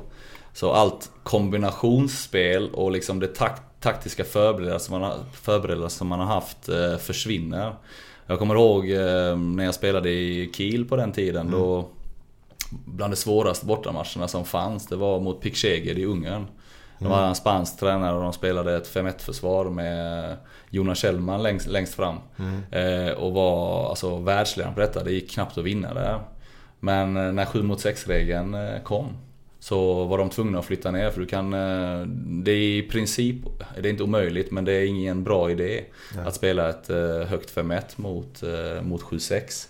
Så det tar bort den här lilla taktiska eh, charmen med handboll. Och gör handbollen väldigt mycket rakare och enklare. Och jag är ju väldigt mycket för förberedande i försvarsspel, eh, alltså taktisk, taktiska förberedelser, små detaljer och sådana grejer. Eh, och sen måste jag springa med i 7 mot 6 också. Det är väl inget man har, man har för- förespråkat. När, när kom den regeln? Och den kom för några år sedan. Och den togs ju liksom på högsta, i högsta instans. eh, Kom väl lite som en chock. Samtidigt då som på den tiden när regeln eh, kom. Då spelade jag i Reinika Löven mm. och hade Nikola Jakobsen som tränare, Dan Danmarks förbundskapten. Mm. Som under två års tid eh, ja, alltså använde sig av det här 7 mot 6 spelet. Och vi var bäst i världen på det Mm. under den tidpunkten och vi, eh, vi var oslagbara. Eh, Så den har ju gett någonting tillbaka också vad gäller resultat. Mm. Men jag tycker det, det är en förbannat tråkig, ett förbannat tråkigt handbollsspel med, med 7 mot 6. Mm. Ja, det blir annorlunda blir det. Men man, man ser väl inte... Vad ska man säga? Det är ju inte lika mycket det här... eh, Skyttar utifrån nu för tiden, är det det eller? Nej. Det eh, skjuts inte lika mycket utifrån. På, något- vad, vad beror det på liksom att... Nej, men han- Nio metare så de ju förut eller sån där. Ja, Man har ju ändrat regler eh, successivt eh, nu när idrotten har utvecklat sig. Så handbollen är ju en, en enormt snabb sport nu. Det är snabba avkast, det är skott över hela banan. Det är liksom... Mycket handlar om att se till så motståndarförsvararen inte hinner organisera sig. Det är liksom första attacken man har. Och sen så egentligen alla spel man ställer upp eh, har ju utgångsp- ut, utgångspunkt att man ska nå fram till ett sexmetersavslut, alltså ända framme vid linjen då. Eh, och det har man ju sett på utvecklingen. Förr i tiden så låg ju liksom Mats Olsson, Thomas Svensson och de här, eh, Claes Helger, de här goa gubbarna i mål liksom på 50% Alltså matcherna, var- det kunde stå liksom 9-7 i halvlek. Ja, ja, ja. Alltså vi har ju matcher vet, där man har varit bra så står det 18-17 i halvlek. Eh, Ja. eh, och ändå så känner du dig värdelös i mål. Men du vet, du är ju inte uppe i de, eh, de procenten längre. Väldigt mycket mer sällan. Eh, på grund av att det utvecklades som snabbsport. Tidigare så gick man ju upp, tog sitt avkast, planerade sitt anfall. Och så var det liksom så lite mer eh, statiskt spel, en växel och så kom någon eh, Tutjkin på högernie och så eh, ryssen där och bara stängt upp den i krysset. Så det var lite enklare. Så handbollen har utvecklats. Den, den, ja enormt. För det var härligt. Det blir mål. Målvakten ja, går sakta in, reser upp, hämtar bollen. Upp till gubbarna i mitten. Och väntar på domaren ska blåsa av. Står vi på linje, ja nu börjar vi kasta gris då va. Och så går vi sakta upp. Det var en jävla skillnad på handboll idag. Ja, jag kommer ihåg när jag var liten, jag satt i Lunds idrottshall och kollade både på Hovtred och Lugi. Men då var det en eh, liten vänsterkant i Lugi som kallas för Mini Åkerman. Och varje gång han gjorde mål så hjulade han på mittlinjen liksom. Skulle vilja se det idag. Liksom. Någon springer och hjular liksom. Det är knappt man hinner knyta näven när han gör mål liksom. Tränaren hade ju skjutit honom. Ja, ja, han, hade, han hade spelat många, många sekunder jag säga. Men, Men, men, du, när, när, när, du, när du ska möta något lag inom någon... Läser du på eller typ tittar på filmklipp av dem du möter? Liksom hur han skjuter eller hur han gör det? Eller, eller, Ja, jättemycket. Gör du mycket sånt? Ja, jag kollar, eh, kollar ju individuella klipp då, så jag kollar både vilka kombinationer som det då heter, alltså i de olika lägena skytten, skytten kommer, liksom hans skottrörelse, armrörelse, kroppsrörelse. Jag kollar, eh, kollar allt. Och det, där har jag då hittat en metod som passar mig. Man tittar till man känner att man har en, en känsla. Och sen så lagras det någonstans i bakhuvudet och så... Nu spelar jag väldigt mycket på intuition då, eh, alltså feelingen. Eh, och det var länge i min karriär en kollision det där, att inte bli statisk, att bara gå på det man har sett. Eh, man måste hitta en balans där eh, och läsa situationerna när de blir så pass störda så det faktiskt kommer i favorithörnet så. Eh, Men jag lägger ner mycket arbete. Eh, Jag skulle vilja säga att inför varje match är det väl ungefär 2-3 timmar som man lägger ner på, på förberedande rent visuellt då. För, för man kan ju tycka liksom att om man, om man inte är riktigt insatt att du kommer ut där och flaxar till bara så ty, tycker man att det är tur då. Men det är det ju inte till 100% då utan det, Nej, det, du, du har ju läst på så jävla mycket då. Just de här eh, räddningarna som jag kanske har blivit känd för. Alltså eh, visst mycket intuition. eh, Men det är ju mycket mer kontro- kontrollerat än vad, vad folk tror. Det handlar ju väldigt mycket om skära vinkel, alltså kroppskontroll och kolla var skytten kommer och så vidare. För att göra det så svårt som möjligt för dem. Så det blir ett form av paket där som mynnar ut i en räddning någon gång då och då. Det, det är när man sitter framför TVn och eh, ser dessa handbollsspelare komma fria då. Då tänker ju de, ja, 90% i alla fall, eh, som inte har spelat eh, på den här nivån. Tänk, ja, men det är väl bara att lägga in bollen i mål. Tänker man ju. För det ser ju så otroligt, ja men det är ju helt öppet där ju. Varför sköt Ja, man inte ser ju mer nät än målvakt. Ja. Och det är ju mer nät än målvakt också. jo, men det, det, alltså jag fattar inte hur fan man grejer det, men sen... Nej, har du aldrig känt det där liksom någon gång under din uppväxt med handboll? Liksom att när man går ut där liksom att man ska få bolljäveln i trynet liksom. Jo, men det har jag ju fått också. Jag har ju liksom lite intryckta näsväggar och så. Pratar Men det lite händer nasalt. aldrig på i- elitnivå eller? Jo då, jo då, jo då. Jag har fått ett par rejäla smällar. Eh, Det har jag. Eh, Men det är ju ingenting som jag går och tänker på. Nej, nej. Och det är väl kanske det folk menar, menar då att eh, gemene man kanske tänker väldigt mycket på det här. Eh, Men jag är ju uppvuxen i det och jag är ju fokuserad på lite andra grejer när jag ska få bollen. eh, För när man, när man, när man ser vissa, det kommer en gubbe på 100 kilo muskler och så bara är han en meter ifrån dig så- och så bara dunkar liksom. Fan, Jo men t- tänk själv då. Alltså, tänk då. Du tycker jag kanske är lite sjuk i det, i, i det jag gör. Men jag tycker ju att jag är rätt så smart. Bollen väger ju, alltså bollen kommer i ungefär 140 km timmen och väger ja, men, eh, 600 gram ungefär. Men tänk då mina lagkamrater som ska stå emot när det kommer en gubbe. Du vet det finns större gubbar än i handbollsligan som väger eh, 125 kilo. Eller Fredrik Pettersson var linjespelare i landslaget liksom, Ja. eh, Som jag har skojbrottats med en gång. Alltså det, det är inte så roligt alltså. Så eh, tänk, dig- tänk dig när de kommer som ett tåg och ska liksom kliva på dig. Då blir det, då blir det tufft. Så jag tycker ju själv att jag är smart. Som Men- håller mig undan det. De gångerna som man får bollen i huvudet då. blir det ett jävla liv på spelarna då eller för att de sätter den i huvudet? Eller... Ja. eller, eller Alltså, de det har kanske ju- inte gör det med mening, det vet jag inte men... Jag var ju väldigt hetlevrad när jag var ung så det här finns ju de, eh, de momenten i min karriär som jag inte är så stolt över också. Liksom när folk har provocerat med vilja och så. Det finns, finns säkert de gångerna som de har dratt den i skallen med, med vilja Med också. flit, alltså. Ja, men det... Jag har bitit ifrån ett par gånger. Eh, sen har jag lärt mig att lugna ner mig eh, och hantera situationen annorlunda. Men det finns de som har, eh, som har fått igen ordentligt också. Vad, har du någon speciell spelare i, i, i världseliten som, som drar typ mittbena? Alltså väldigt nära ansiktet skjuter det. Nej, det är rätt många som faktiskt, eh, jag är ju rätt liten som handbollsmålvakt, så det är rätt så många som försöker få mig, om man då tänker att de kommer i ett friläge, som tar ut bågen så att säga. Om ni tänker att de hoppar från ena stolpen till andra stolpen på ett friläge. För att få mig att flytta mig i sidled, för då måste jag ju öppna benen och då blir jag kortare. Och sen väljer jag att skjuta. Det är ju rätt bra vinkel för dem att skjuta över huvudet då. Eh, Så det är rätt många som, eh, som gör det men i dagens handboll så har väl både jag och resterande handbollsmålvakter en viss respekt med oss. Eh, Och det är ju, och får jag någon återkomma till, en gentlemannasport. Vi snackar om ett fåtal spelare som väljer det som taktik att, eh, att dra målvakten i huvudet. Men det finns, det existerar, det ska man inte sticka under stol med. För man ser det jävligt sällan alltså. Kom, Ja, kom. ja, det är definitivt. Ja, ja. Minns du det? Du vet öststaterna kommer att tänka på nu. Du vet Mm. när en kantspelare hoppar in så puttar de ju med handen på, på foten. Ja, på, på, på, när kantspelarna hoppar in. Du skadar du jävligt mycket då. Men det gjorde ju öststaterna förr. Kommer du ihåg det på 90-talet? Nej, inte just det kan jag inte säga. Ja, de gjorde det. Fransmännen satte ut knäna, alltså Ja. eh, låren och det fanns massa sådana grejer. Men det har de ju korrigerat med reglerna nu så kantspelarna är ju de som har det Lättast. lättast. Alltså det, rör man dem så är det ju straff på två minuter. Mm. Och sen här i handbollsligan, för att återgå till andra samtalsämnet, så har man ju faktiskt infört eh, två minuter för skott i huvudet nu.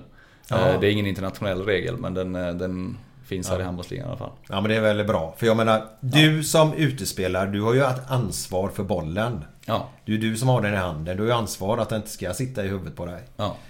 Jag har ju alltid tyckt att så kommer man helt ren och så råkar man dra målet. Det är ju, det är ju skamstämpel. Ja. Men det finns ju de situationerna också där som olycklig, alltså olycksfall när de får en smäll och så eh, Precis när de ska skjuta så tar den i huvudet. Då kan man inte heller Nej, reagera och bli, nej. bli förbannad även om det gör ont. Och de kommer också oftast fram och ber om ursäkt direkt. Ja, ja. Så det, det är rätt lugnt. Och det händer ju, men det märker man ju oftast när, när det sker alltså. Att man får ett knuff Ja, samtidigt. nej, men exakt. Så. Men då bara en snabbis där vi pratade om gammal handboll och ny handboll. Att det gick långsammare förut. Yes. Vet du att det är en handbollsmålvakt i Sverige som har hållit nollan i en slutspelsmatch? Ja. I en halvlek? Ja, du hade Ja. koll på det? Okej. Peter Gensel Ja. borta i Uddevalla mot Kropps. Ja, 9-0 så var det. stod det. Höll nollan första i en halvleken. hel halvlek. Ja. Kropps tränare sa i halvtid, jag ge mig en spade, jag vill gräva mig ur hallen. Så. Det är en riktig, riktig legend uppe i RIK. Hur fan går det till? Ja, Det- det- alla bollar. Jo, man är ju helt sjuk. Det frågar jag mig också för det, Fan, det är helt sjukt. Ja, det går alltid in en boll liksom. Alltså, det är så. Det, jag har haft några matcher också liksom, när man, några träningsmatcher när man har spelat eh, mot kanske lag som är några nivåer under. Eh, där vi ledde också med 23-0 i halvlek en gång men det var med, med Kiel i en Okej. träningsmatch men då Då spelade vi mot ett eh, division 5-lag. Ah, ja, så ja. det var skillnad. Men det går nästan alltid in en, Ja. en boll på något Ja, sätt. Det spelar ingen roll om studsar fyra gånger innan men den, det, det går alltid in en boll. Men det, det, det ska han ha Gense faktiskt. Ja, det- det, det är bra jobbat. Det är nog ingen som kommer Har, det. har du klarat dig från eh, skador och så eller? Nej, jag har varit jätteskadebenägen. Jag fick ju nästan lägga ner när jag var 22. Jag slet av eh, hela hamstringsmuskulaturen. Släppte från Var, var sätesbenet. sitter den? Eh, baksida låret. Eh, från sätesbenet där så. Fick skruva fast med lite ankare och sånt och det tog mig två år. Ett år att komma tillbaka och sen ett år att eh, hitta mig själv, alltså tryggheten i mitt spel och så började börja rädda skott. När var detta sa du? Eh, Det var 2009 så det är många år sedan. Och sen har jag haft eh, mycket knäskador och alltså muskelbristningar och sådana grejer. Så att eh, jag har varit skadeförföljd. Men jag peppar, peppar så har jag spelar jag än idag. Men den muskeln, det är ju, vi snackar ju stor muskel verkligen, den baksida. Ja, tre muskler var det som släppte. Det var väl biceps femoris och semitendinosus och semimembranosus. Alltså de fäste på samma ställe, men de släppte bara. Gjorde det ont? Jag, jag kommer inte ihåg, jag, kommer bara, jag har sett eh, eh, videomaterial därifrån och, men jag kräktes in i omklädningsrummet sånt så jag utgår från att jag var lite chockad kanske. Ja. Kroppen är fantastisk och den sätter ju igång.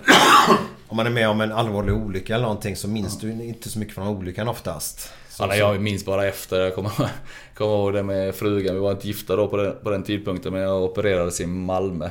För de trodde först bara det var en muskelbristning. Och så magnetröntgade jag mig i, i Tyskland.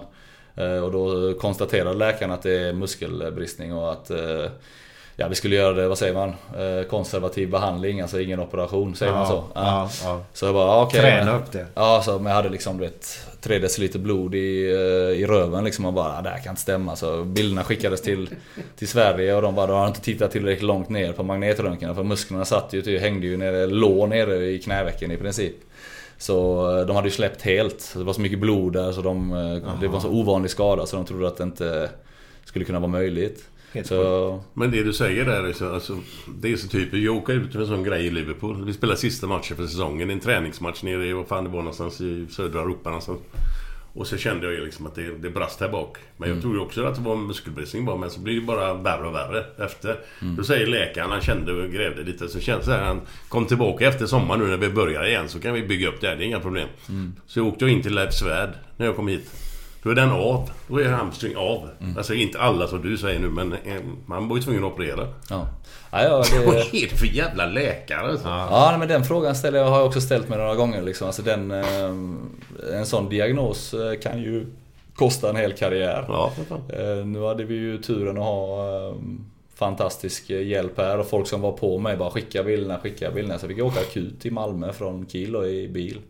Faktiskt Kim Andersson som körde mig. Nej. För att vara eh, en liten, liten anekdot. Ja, det är du verkligen. Ja, nej, för jag var tvungen. De bara, du måste vara här. eh, Ja, men nu, alltså vi, vi opererar dig om 24 timmar och då måste vi operera dig. För det är så här med blod som kan ko- koagulera Ja. och det kan växa fast och nerver och grejer. Så nej, de tömde mig där på, på jag tror det var två eller tre deciliter blod och så in och festa och sen eh, alltså festa musklerna. Ja, ja. Alltså du menar att...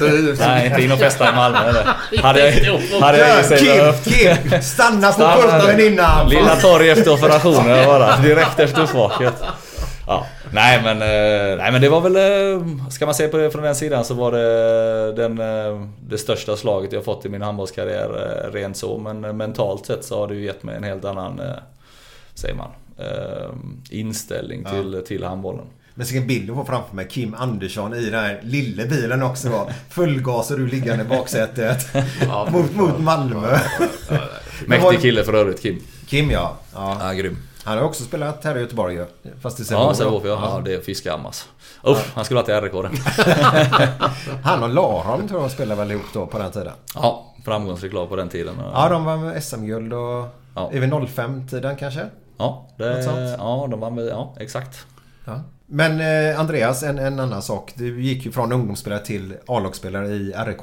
Ja. Ja. Vad, vad var det som gjorde att du tog sista steget? För många ungdomar har ju en dröm. Och jag gillar ju den drömmen. Men man ska... eh, Som förälder så ska man ju bara stötta i en dröm. Sen om man tar sig hela vägen, det är en annan sak. Eh, Men vad var det som gjorde att du lyckades att ta nästa steg? Men det var nog många komp- komponenter ihop tror jag. Jag kom ju till RIK och, eh, och under hela min ungdomskarriär så spelade jag alltid med två år äldre. Eh, Mm. Så när jag flyttade upp hit så kom jag direkt upp då i RIKs 84 år, två år äldre. Så jag eh, fick alltid, vad ska man säga, jag kämpade enormt mycket. Jag var ju aldrig, vad ska man säga, bäst. Eh, Men ville hela tiden vara bäst. Jag fick kämpa mycket liksom, fick förutsättningarna för det i och med att jag fick chansen att spela med, med de som var lite äldre. Så någonstans tyckte jag det var motiverande, kul och drivande att eh, hela tiden behöva ta i allt jag hade kan man väl säga. Eh, Och sen eh, tog steget upp till, eh, till A-lagsverksamheten. Det var ju, då får jag väl använda mig uttrycket, alltså den, den enes död, den andres bröd. För det var ju i den vevan då RIK rasade. Eh, Järnemy lämnade, Frändesjö lämnade och så det var ekonomiska problem och så. Helt plötsligt så stod vi på banan och skulle spela en seriepremiär mot IFK Ystad med, med ett sämre lag på pappret än RIK någonsin hade haft. Eh, och där, eh, där lyckades väl jag egentligen... Att, eh, fick mycket speltid och lyckades eh, ja, men spela bättre än min, eh, min kollega på den, på den tiden. Så jag kom upp tidigt, jag var 17 år. Eh, och fick sökt till och med dispens tror jag för att få spela i elitserien som det hette på den tiden. Ja, för det är väl bara... Ja. Du måste hjälpa mig här nu. Jag har inte riktigt koll på det, men jag tycker det är en väldigt bra grej som handbollen har. Om jag nu har förstått det rätt. Det är att du kan inte vara hur ung som helst och spela seniorfotboll, eller seniorhandboll va? Nej, nej. Utan man måste ha nått en viss ålder är det va? Ja, alltså för att vara helt ärlig så vet jag inte vad regeln säger idag. Men eh, du var tvungen att vara fylld 18 eh, då för att få spela i elitserien. Men jag, jag kommer ihåg jag och Johan Sjöstrand på den tiden, vi fick eh, dispens. Ja. Eh, och då fick man väl göra någon här utvärdering, man var fysiskt beredd och vad man hade gått igenom i karriären och sådär. Så fick man en stämpel på det, var någon som tog beslutet. Så det gav ju mig en skjuts. Ja, då fick jag ju fyra år i elitserien. Eh, Där första året var mycket se och lära, men de tre åren efter det gick egentligen eh, fantastiskt bra. Eh, Och redan där när jag var 18, så, eller jag skulle bli 18, så hade jag faktiskt mitt första proffserbjudande. Oj, Eh, Från Goren Vellenje. vad ligger de? Ja, det ställde jag mig frågan något. då också. Sen, det var för nästan på den tiden man knappt kunde googla, du vet. Så men eh, fick fram någon bild där från en industri, industristad i Slovenien och tänkte att Ja, är det här man ska bo? Ah, ja. Nej, så eh, efter... eh, Gråa Göteborg var helt plötsligt väldigt soligt mot... Ja, eh, exakt. Så efter några om och väldigt, väldigt många män där så kom jag fram till att ja, vi, eh, vi jobbar på vidare här och så, och så ser vi. Eh, Men där och då så fick man fick ju en drivkraft i det och då började ju hela den här resan med agenter och ditten och datten som sålde in det ena och det andra. Och... Vilka var agenter på den tiden? Det var massa. Jag, Var det så? Ja, jag blev kont kontaktad av jättemånga. Och, men får ändå vara lite stolt över mig själv att det var rätt lätt att läsa igenom eh, vilka som var, var ute efter snabba pengar eh, eller eh, Ja, alltså att bara tjäna pengar på dig. Eh, och de som faktiskt var seriösa. Så eh, jag gjorde ett val rätt snabbt och vi håller ihop än idag. Vem är det? Det är Åke Unger. Det är det. För jag ska säga, Åke Unger. Ja, men han har ju mycket folk som helst i sitt stall ska du veta. Jag hade inte en aning om att Halm höll på med det. Han är Nej, den största vi har i Sverige va? Ja, han är, han är helvete. väldigt, väldigt duktig agent. Ja, han är det. Ja, och eh, vi är ju vänner idag och blivit. Det blir ju så man växer fast och det eh, växer ihop. Nu är det ändå en, eh, ja, men 15 år som, 15-16 år som vi har liksom kompanjerat ihop. Och, Och han har varit med på varje övergång. ja, Ja. ja, det är han. Det är liksom, ja, det finns ingen annan. Det är han som, eh, som gör det och sköter hela den delen i, i, i mitt liv. Eh, Men idag har man blivit så pass gammal så att man tar ju såklart många beslut, eller besluten tar man ju själv men Ja, när man blir så gammal som jag har blivit i den branschen, jag vet inte hur det var för dig Glenn, men eh, så är det ofta så också att klubbarna kontaktar dig direkt. Så det är egentligen bara när det kommer fram till det administrativa som, Ja, okej. Som agenten tar vid, så kan man väl säga. Då måste jag fråga. Du ska ut till PSG i sommar. Mm. Så de kontaktade dig direkt då eller gick de genom Åke?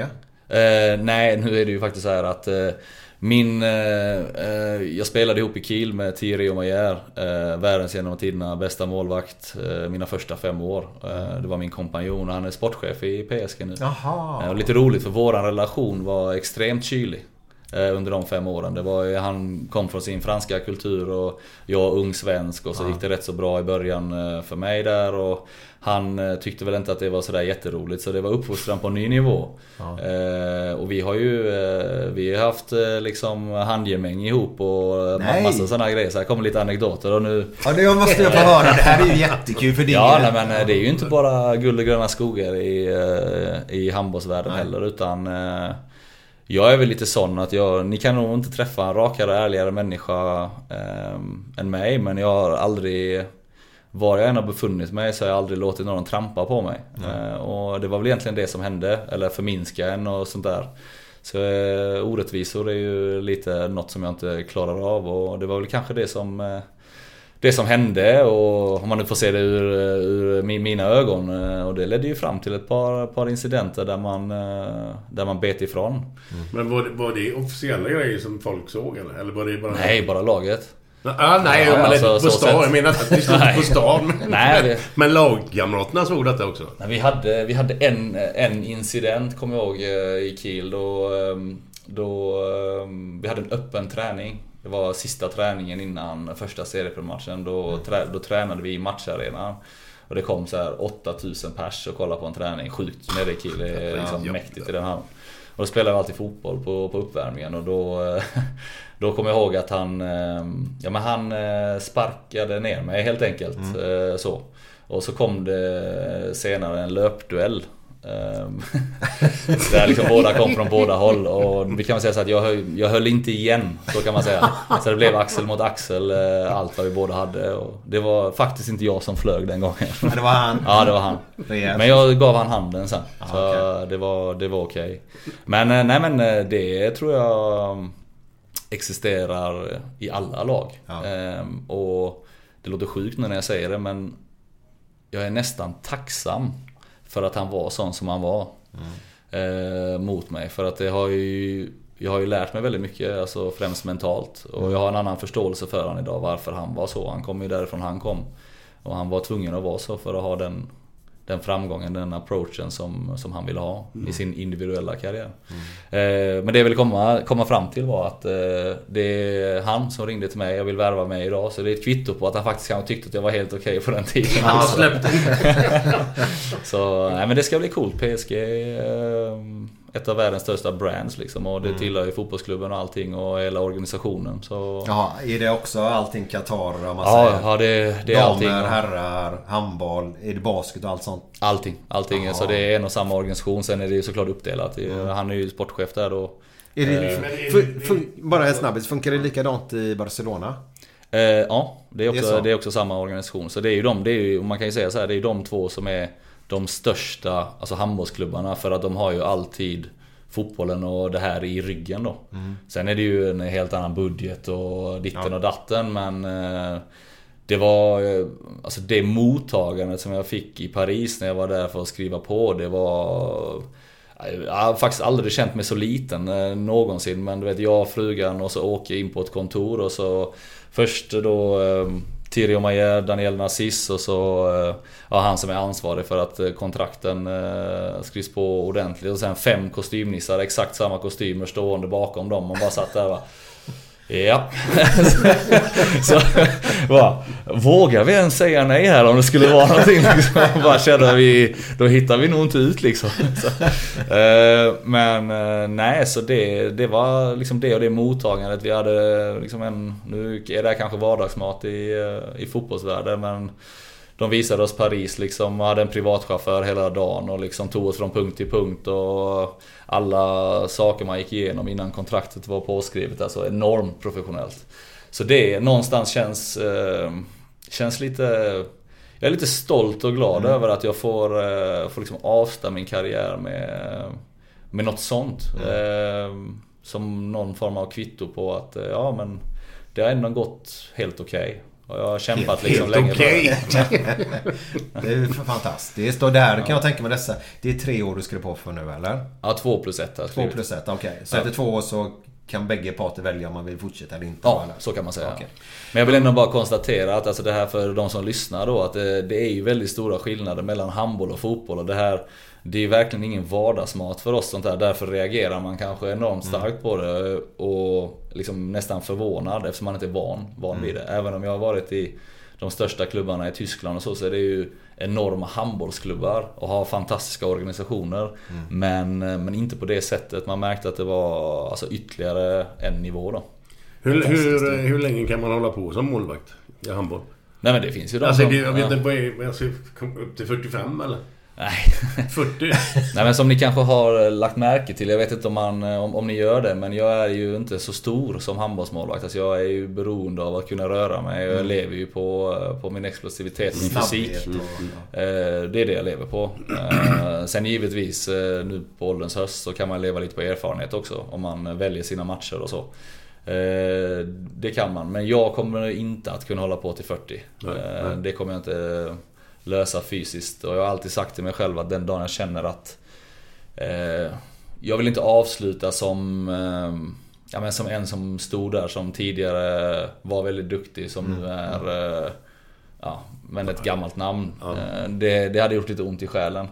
Så jag gör det 100% eller inte. Så jag är rätt så säker på att eh, det blir PSG och sen så Givetvis är jag alltid öppen för RIK här hemma. Eh, Sen behöver inte det betyda att det är eh, som spelare utan det finns, eh, finns tusen andra saker som man kan göra. Ja.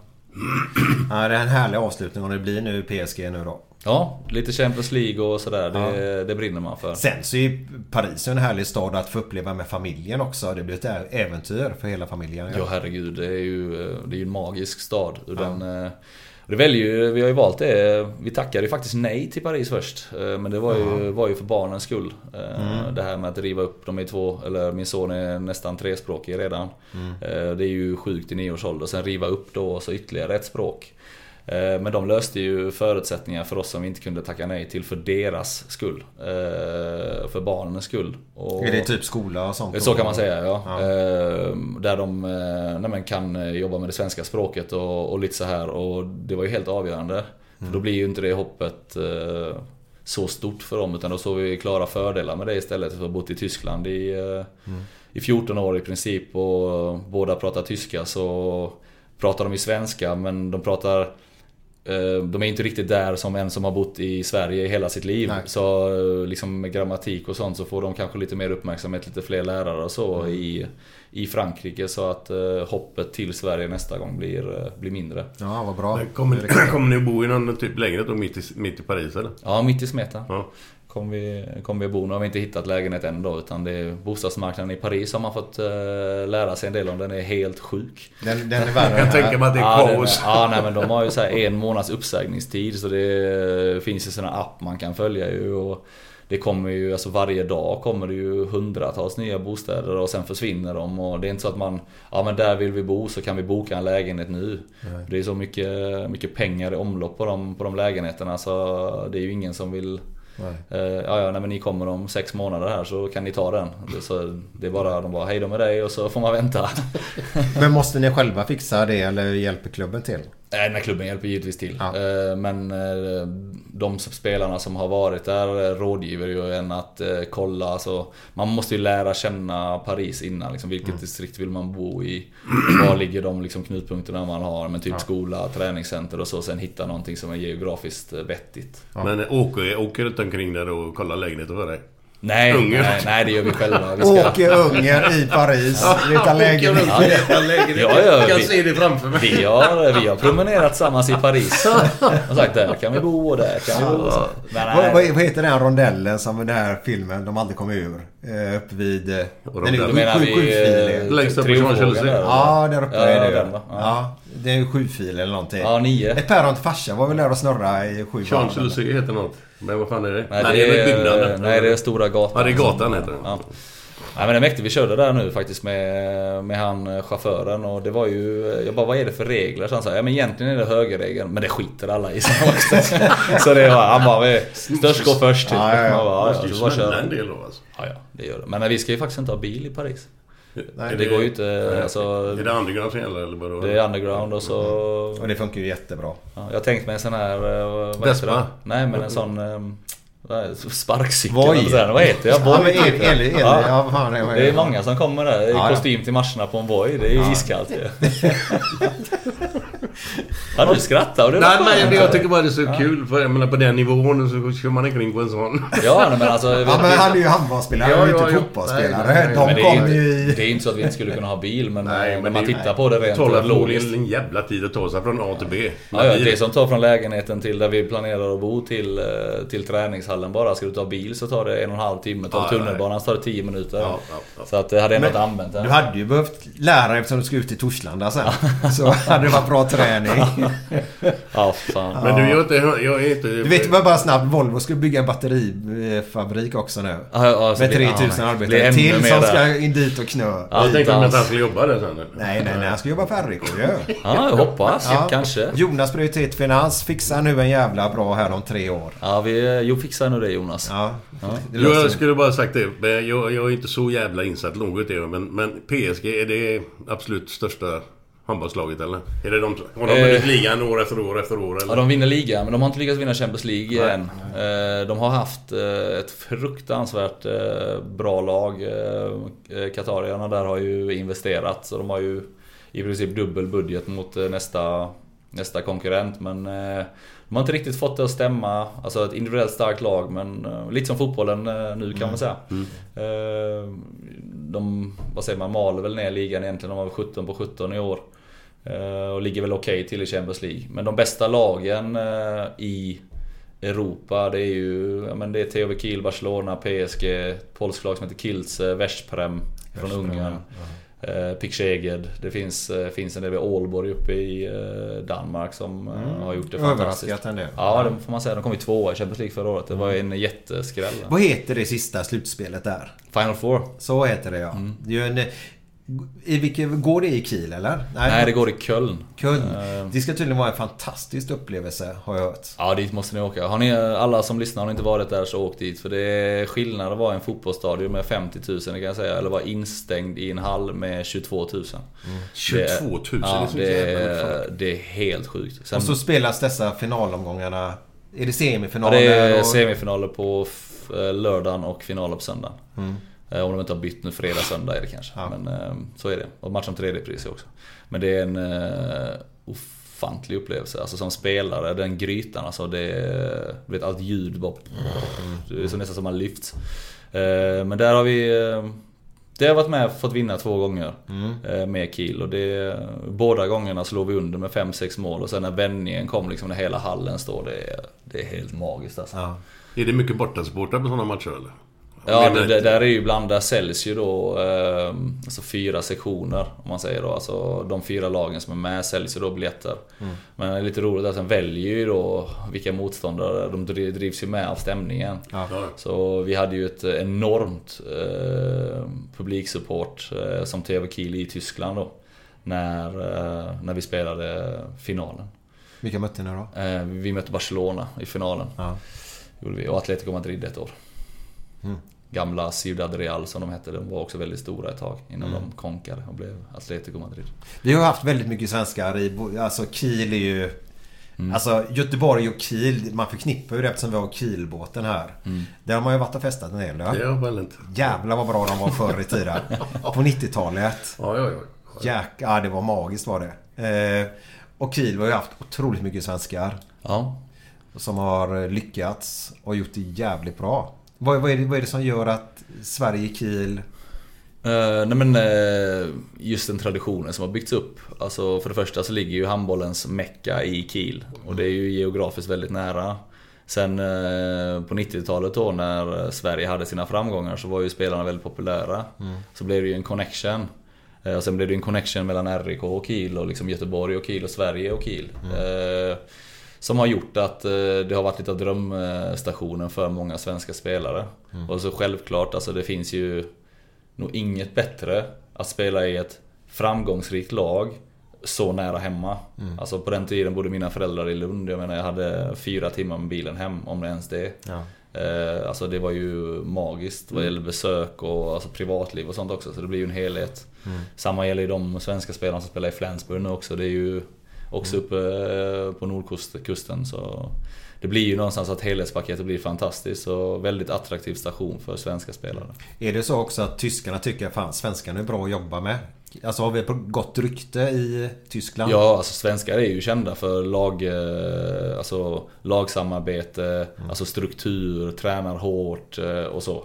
Och, men sen i slutändan så är det ju kvaliteten som Ja. avgör och där ska man inte sticka under stol med att Sverige har haft, eh, alltså genom alla år egentligen, fantastisk individuell kvalitet. Eh, sen har vi kanske haft några år eh, um, med landslaget där man kanske inte riktigt har fått det att fungera som lag. Och det är ju många, många aspekter. Men det är ju väldigt attraktivt på, på spelmarknaden i både Tyskland och lag som Barcelona. Med just det här, alltså hålla ihop laget, få laget, få, få din polare bredvid att spela eh, det bästa han kan och så vidare. Kan, kan, kan du berätta en grej för folk som inte... Hur mycket, tar, hur mycket folk går det in i Kiels hemmaarena? Eh, 10 250 för att vara 10 exakt. 250, Mm. ja. Kan, kan du berätta så att vi förstår hur en sån dag ser ut? När ni, jag tror jag läste någonstans att ni vann eh, något år med typ två bollar. Eller någonting, någon serie. Eller serien blev mästare. Mm. Kan du berätta hur, hur stämningen byggs upp en dag inför matchen? För det jag har förstått att det är inte bara matchen man går och hejar på utan det händer väl ganska mycket både innan och efter eller hur funkar det? Ja, men tar man den, eh, den historien så är det ju bland det sjukaste jag upplevt, alltså den perioden. För att eh, eh, den började med att vi som, jag spelade i Kiel då, vi förlorade mot Rhein Löven på bortaplan som var det andra laget som slogs om titeln. eh, Med tre mål och då var vi på samma poäng. Men de var ett x antal mål framför oss och då sa, kom vår tränare ner så här, vi måste vinna resterande, jag tror det var nio matcher med plus 15 mål eller mer. Och vi bara, jaha, det här var ju helt alltså, orealistiskt. Alltså helt orealistiskt. Så kommer jag ihåg första bortamatchen så spelade vi mot Lemgo borta som var Alltså bättre än ett mittenlag. Eh, På bortaplan inför 10 000 där också. Vinner med 22. Med 22 bollar. Med 22 mål. Alltså det har aldrig hänt innan. Jag kommer ihåg det. Det var liksom som ett maskineri som bara malde ner. Och så i, eh, i bussen hem då, vi spelade innan, så spelar Reinika Löven eh, på bortaplan mot Eisenach som var ett bottenlag. Så vi tänkte så här, ja men 15 där liksom. Så vinner de med 23. Nej. Ja, och så fortsatte det eh, till sista omgången. Eh, så man var inne i det här, men man blev lite som, alltså man var djurisk i huvudet. Det fanns liksom inget annat. Jag kommer ihåg eh, Eh, Sandra, som min eh, fru då, hon sa det den perioden, alltså jag har aldrig upplevt dig sån. Alltså du gick till träningen och så var du bara, du pratade knappt och så var det var liksom bara så, alltså helt, eh, helt rak blick. Och så bara, det var bara ett jobb som skulle utföras. Och så kom vi till matchen och vi visste förutsättningarna innan. Vi låg minus sju mål in, inför matchen och det var helt tyst. Vi hade alltså en timme och 40 minuter inför matchen så träffades vi Drack kaffe och käkade en, kaka liksom, eller en macka bara. Eh, och sen så lite taktisk genomgång gick vi in. Jag kommer ihåg tränaren, han, han sa inte så mycket heller. Han sa i princip, ni vet vad som gäller grabbar. Liksom, vi, är, vi är förberedda nu, kör vi liksom. Okej. Men minus sju mål. Vi skulle spela mot Berlin hemma. Berlin låg fyra. Har för mig. Alltså, eh, och um, Reinika Löven skulle spela mot Lübeck borta. Som var ett bottenlag, jag tror de låg näst sist och hade Oj. redan... eh, eh, Reinika Löven, var kommer de ifrån? Eh, från Heidelberg, Mannheim. Heidelberg, okej. Eh, för övrigt där jag har spelat de senaste eh, åren. Men vi kommer till, eh, ja, kommer matchstart och det drar igång och samma det här raka blicken, alla kör, öser på. Stämningen är ju helt eh, magisk i hallen såklart. Även om det var ingen som hade en riktig tro på det av eh, supportrarna. Det, det kände man. Det var mer bara att ja, de var ändå rätt stolta över det vi hade gjort. Och i halvlek så ligger vi plus nio eh, hemma mot, och då, mot eh, Berlin. Och då, eh, då kollar jag upp på, på tavlan liksom och då ser man de här, eh, vad heter det, så här, Swishen score heter det på tyska. Alltså när man ser alla resultaten. Eh, och då leder de med två på bortaplan. Så det är 0-0. Jävlar. Ja. Och inför halv, då, då brann det. Alltså jag har aldrig, aldrig varit med om den hallen. Alltså det brann. Alltså de hängde över. Och så står, står vi i mål där och jag kommer ihåg att jag går ut och dricker väldigt mycket vatten. Eh, alltså i princip efter varje anfall. Eh, det är någon, eh, något tics jag har. Och då var liksom till tränaren, eh, jag bara, men vad, vad, vad står det, hur går det? Jag har aldrig frågat, han bara, vi ligger minusen, vi ligger minusen, vi ligger minusen. Sa han. Alltså hela halvleken, sen är det två minuter kvar så här, vi ligger minusen. Man bara kände pulsen, rädda, rädda, skjut, skjut. Och vi ledde med 15. Eh, Och egentligen så ledde vi med 4. Men han körde ju den bara du vet. Så, ja, så kommer jag ihåg. Så helt plötsligt och så bara bl- blåste de matchen. Jag kommer ihåg Jesper Nilsen, landslagsspelaren. Han gör typ en halv japan fångar och typ skjuter mellan benen eh, på mig. Och så det blir bara 14. Och jag bara tänker så här. Eh, eh, det blir helt tyst i hela hallen. Helt tyst. Och så ser Filip Gischa då, en gammal lagkamrat, Marco Vujin. De är ju helt efter det här racet som vi kört.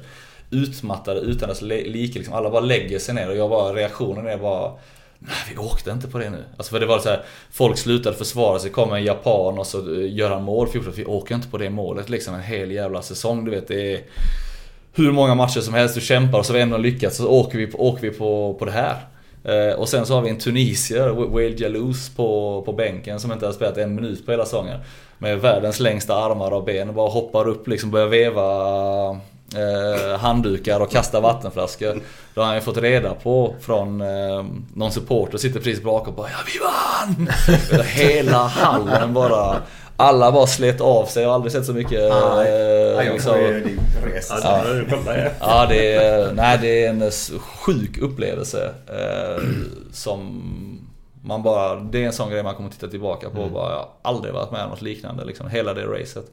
Vinna med 15 eller 14 då mot, mot Berlin hemma i sista och de lyckades bara vinna med 8 tror jag. Så det blev väl två mål till slut. Så sjukt. Det roliga var, en liten rolig anekdot med den historien är att eh, för att förklara hur vissa tränare är eh, och hur man har blivit uppfostrad.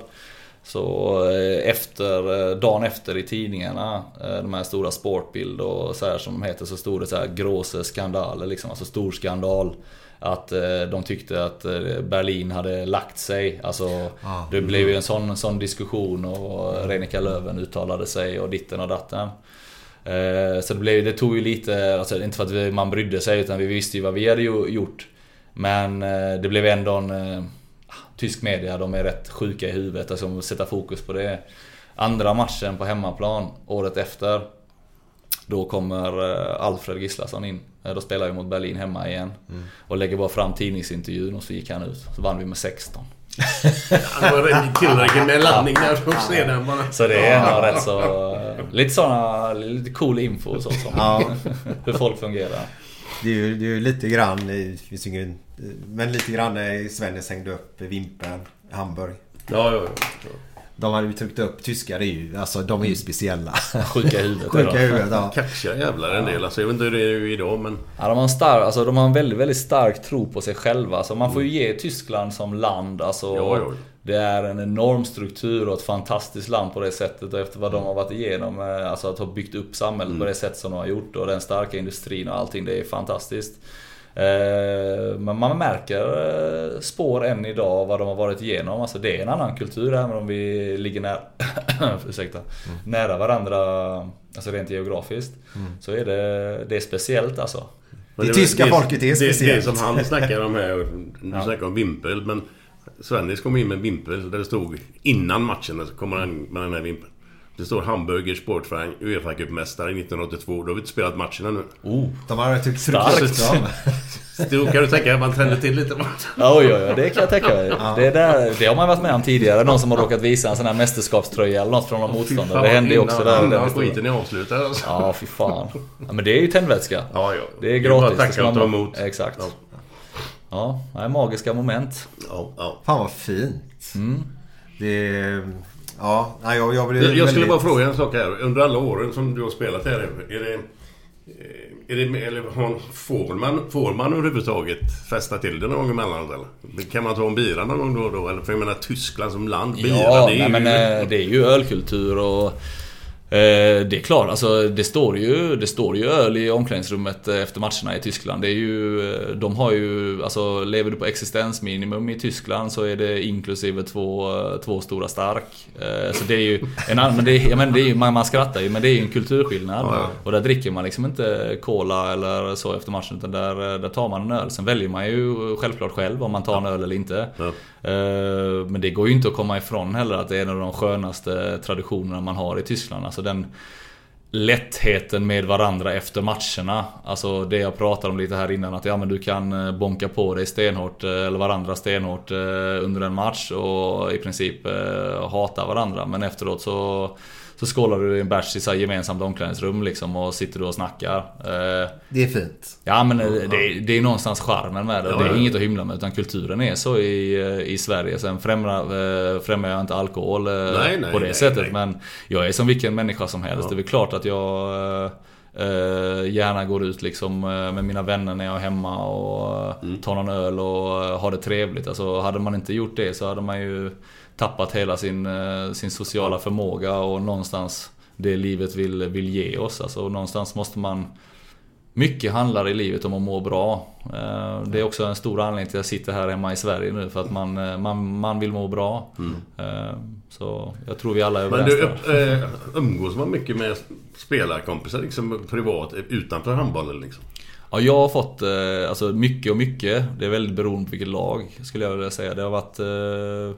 Jag har haft turen och fått vänner, vänner för livet eh, på de stationer som jag har varit. Eh, Kim Andersson bland annat. eh, Gudrun Wahlöö Sigurdsson. Etc, etc. Det finns, finns massa spelare som man har jättemycket kontakt med. Eh, Så ja, svaret är ja. Ja. Nu tappar jag ju namnet här men... Walter heter han ju. Krins. Ja. Eh, han, efter ni vann, vi ska komma in på EM-guldet här nu. Mm. Eh, bara så att jag glömmer det. Jag kom tänka på det nu när ni pratar öl nämligen. Eh, ni festade ju efter när ni hade vunnit naturligtvis. Ja. Jag tror Walter drack väl lite, någon öl för mycket. För han, han försov sig dagen efteråt. Var Vem- som vem vem är detta? Walter Krins. Ja, men jag känner igen namnet. Ja, men han är den lille 00an från Kristianstad. Jaha. Ja, Han som gjorde straffen mot Ja. Norge. ja, ja. okej, okej. Ja, då är jag med.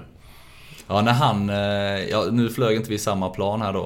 Eh, Men ja, nej, det blev sent och det blev sent för alla. Ja. Eh, Men det blev nog lite för sent för honom. För han skulle tagit en senare flight så att säga. Han, han, bok, han bokade oerfaret. Så han missade planet. Ja. Det gjorde han. Men alltså man får ju säga så här. roligt. Om man ska missa ett plan så är det Ja. väl ändå efter ett guld. Då Oh, får ja. man, det får man liksom bara ac- acceptera. En, en härlig person är det. Ja, magisk. Jag måste säga, han, eh, han har ju inte haft eh, en fast punkt i landslaget på det sättet. Eh, Han kom ju faktiskt in till turneringen för att vi fick coronasjukdom på Niklas Ekberg då. Eh, Och han och Daniel Pettersson var ju med de två, två valen på, på högersex. Och han kom ju in och fick ju 60 minuters speltid. För Daniel Pettersson åkte ju på corona också Ja. inför Norge-matchen där. Och ja, kom in på det sättet han gjorde och sen ja, blev folkkär kan man säga. Ja, att, ja, ja. eh, ja, ja. han har gjort sig eh, väldigt förtjänt av sin landslagsplats och eh, är helt övertygad om att han kommer att vara en fast del av landslaget i många år framöver. Mm. Är en grym kille alltså. Ja, ja men det, det, det är så härligt någon som sticker utanför lite grann också. Intervjuerna efteråt och han kommer inte ihåg någonting nästan. Ja men det är så roligt när, jag, när man tittar tillbaka och så nu står jag här 35. Jag, det är inte så att jag är lastgammal men i det yrket jag håller på med så har jag varit, jag har varit med i 20 år och jag har gjort exakt samma sak. Det blev lite avbrott där bara snabbt där, men jag har gjort exakt samma sak sa du. Ja, nej, men som Walter, alltså eh, Man står ju där med ett leende på läpparna bredvid när eh, alltså, mediaotränad, alltså ung, eh, energisk Tänker kanske inte riktigt efter och så men det är bara Man måste bara älska det. Alltså Ja. det är det som får alla individer att växa. Och han är ju mitt i den fasen nu liksom att Ja men att växa så att säga. Och det är så sjukt kul att se och det är roligt att vi tar upp honom för att eh, jag har alltid känt så här lite nu sen han kom med i landslaget och eh, jag fick kaptensrollen och så. Då är det, jag tittar på honom så ser jag nästan min egen grabb. alltså, är det, är det så här 15 års åldersskillnad liksom. så det är lite, lite kul. Ja, vad fint. Vad fint. Men ska vi ta EM nu då Glenn? Ja, det Ska vi göra det? tycker jag verkligen. Vi tar EM. Absolut. Ja. Det kan man Det- hålla på med i tre timmar, men det kan vi inte göra. Men, men, men du vann ju eh, tyska mästerskapen med Kiel. Var det sju, sex, sju gånger eller var det? Ja, sex gånger med Kiel och så en gång med Reinecker Löwen. Ja, det var ju de som ni tog mot med målskillnaden där. ja, exakt. Ja. exakt. Vad, hur, hur, är, är det, när man byter klubb så finns det något hat förresten där eller? Alltså skiftet eh, kiel reinecker löven eh, direkt är ett eh, tufft byte att göra. Ja, det är så. Det var, I och med att det var så tajta, det var ju inte bara det året utan det var tre år i rad som det var tight. Alltså vem som skulle vinna. Och då lyckades vi i Kiel vinna alla tre gånger. Så det var ju skönt. Men sen gjorde jag ett aktivt val där. Jag kände att eh, det hände lite grejer i Kiel och jag kände att eh, jag är nog färdig här och jag behöver ta, ta ett steg och jag hade faktiskt lite hemlängtan. Eh, Jag fick ett eh, erbjudande. eh, Jag hade erbjudande att stanna i Kiel. eh, Men inte på de premisserna som jag, som jag själv ville. Så jag tog ett aktivt val och flyttade till Ålborg. eh, Ett år.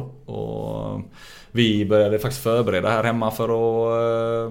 Eh, eh, Ja men vi, hade, vi köpte en lägenhet som vi hade så vi kunde pendla lite och få lite mer connection till Sverige och sådär. Lite hemlängtan och så. Eh, Men jag märkte väldigt snabbt i Ålborg, utan att förringa Ålborg som är en fantastisk klubb, att eh, jag trivdes inte i danska ligan. Eh, alltså... Vad var det som inte stämde där då? Nej men jag vet, jag var van vid, eh, jag var van vid liksom full, eh, full professionalitet. eh, Alltså alla drog åt samma håll, stenhårt jobb och så. Sen kom jag till en klubb som var under utveckling. Men där kanske halva truppen var halvtidsanställda och där stod jag och så helt plötsligt ställde man krav och så kom man på sig nu här ställer jag krav på en kille som, eh, som kör 8 mil till träningen och som har körersättning liksom. Det, eh, det rimmade inte riktigt med, med så som jag var van vid att jobba och jag kände att ehm, Ja, att jag inte kunde vara, vara mig själv riktigt helt enkelt. Eh, och jag var helt öppen med det här för jag värvades väl kanske om man får, får säga det så som det största affischnamnet eh, inför säsongen. Jag kände att jag jag kunde inte göra rättvisa för, för den jag är. Eh, Och detta förmedlade jag till klubbledningen eh, faktiskt redan efter ja, men, tre månader och sa att eh, det kommer inte att funka på detta sättet. Jag vill att ni, ni respekterar det, alltså den personligheten jag är och att jag känner så här. Och det var, det var verkligen inga hard feelings utan de hade väl märkt det rätt så snabbt också. Och från sitt håll kanske inte riktigt lyckats med det som, som, de, som de lovade mig heller. Eh, nej, och då, då kom, eh, uppdagades möjligheten med, med Reinika Löven. Eh, där jag sen upplevde eh, de tre liksom, typ, roligaste åren i min, eh, min handbollskarriär. Jaha. Tillsammans med Nikola Jakobsen som tränare. Hur kommer det sig då? Men jag vet inte, han, eh, eller jag vet inte, jag vet precis. Det var ju raka motsatsen kanske till, eh, till upplägget i Kiel. Det var väldigt mycket gemenskap, alltså vi hade kul. eh, Vi, de hade lyckats få upp ett lag som där och då var i sina bästa år. Eh, spelade en fantastisk handboll. Eh, jag fick, eh, började lära känna Mikael Appelgren. Eh, kompa, kompanjerade ihop med honom. Vi spelade i princip 50-50. Det har sagt någonting om att ni var den bästa duon som någonsin har vunnits liksom i nutid, om man säger så. Jo, men folk har sagt det och jag... eh, Alltså, sättet vi jobbade ihop på var väldigt ovanligt eh, i nutid att eh, man eh, klarar av som målvakt att eh, ja men eh, idag spelar jag eh, och nästa match spelar du. Hade jag 27 räddningar i match så spelade ändå Äpplet nästa match. Men så ni bestämde det själva, inte tränaren alltså? Nej, det, alltså det, det växte fram. Eh, Ja. och vi hade en ömsesidig respekt och förståelse för att, för att jag ska få ut max och för att han ska få ut max. Så var det här ett eh, jättebra sätt. Sen hjälpte det såklart att vi eh, vi var väl målvakt 1 och 2 i ligan liksom under de tre åren. Eh, I princip. Och i Champions League och allt vad vi, vad vi lirade också. Och I landslaget funkade det på, på samma nivå. Så vi, vi bevisade väl egentligen att eh, ja, men två är starkare än en. Eh, och ja, blev väl något, nå, någonstans ett flaggskepp för att eh, många toppklubbar tog eh, blev tvungna att investera mer på målvaktsfronten och inte bara ha en utan ha, ha två. Eh, Och det står jag fast vid än idag. Om man ska vinna stora titlar över lång, eh, lång tid så eh, behöver du två målvakter. Det är inte som i fotboll Men, utan... men, men är det så verkligen nu då? Eller i många klubbar nu då? Ja, ja, ja, ja, ja, ja. Det är lite olika men många, många går ju efter att ha, ha två riktigt bra. Alltså de absolut bästa då. Det är ju det som är så roligt med handboll tycker jag just med målvaktsbiten där. Det är att du går in och börjar, du tar inte en boll första tio och så byter man och så går han in och sen kan du komma tillbaka efter typ sju minuter igen och bara spika igen. Ja. Det, det, fan, jag älskar handboll. Det är mycket taktiskt med målvaktsbytena där. Ja, ja, alltså det är, det är enormt coolt. mycket taktik bakom och jag har varit igenom många olika upplägg. Nu tyvärr så skadades jag Äpplet för två år sedan. Eh, Och jag har ju 180 matcher i kroppen på, på två år. Eh, I princip... eh, Det ja, är men- väldigt mycket. Ja men eh, nu, nu ska jag inte använda ordet ensam, men i klubblaget blev det så. Ja. Där valde ju klubben då, eller hade inte ekonomi eller hur man nu ska göra, att värva in en målvakt som skulle stötta upp. Eh, men det blev ju så att han kanske tog var sjunde match. Eh, och så kanske inte det gick så bra och så malde man på, malde på, malde på. Skador kom och man bröts ner. Och, eh, då märker man också liksom nivån, att eh, den sjunker till slut. Eh, kroppen orkar inte med. Knoppen vill mycket men kroppen gör inte det den vill. Och, ja. och då ytterligare ett bevis på att det var ju också kanske en, en stor del i att det började gå, gå käppgång i, eh, eller kräftgång eller vad man kallar det. Många uttryck nu som jag inte kan som jag säger men det får bli så. Jag fattar vad du menar.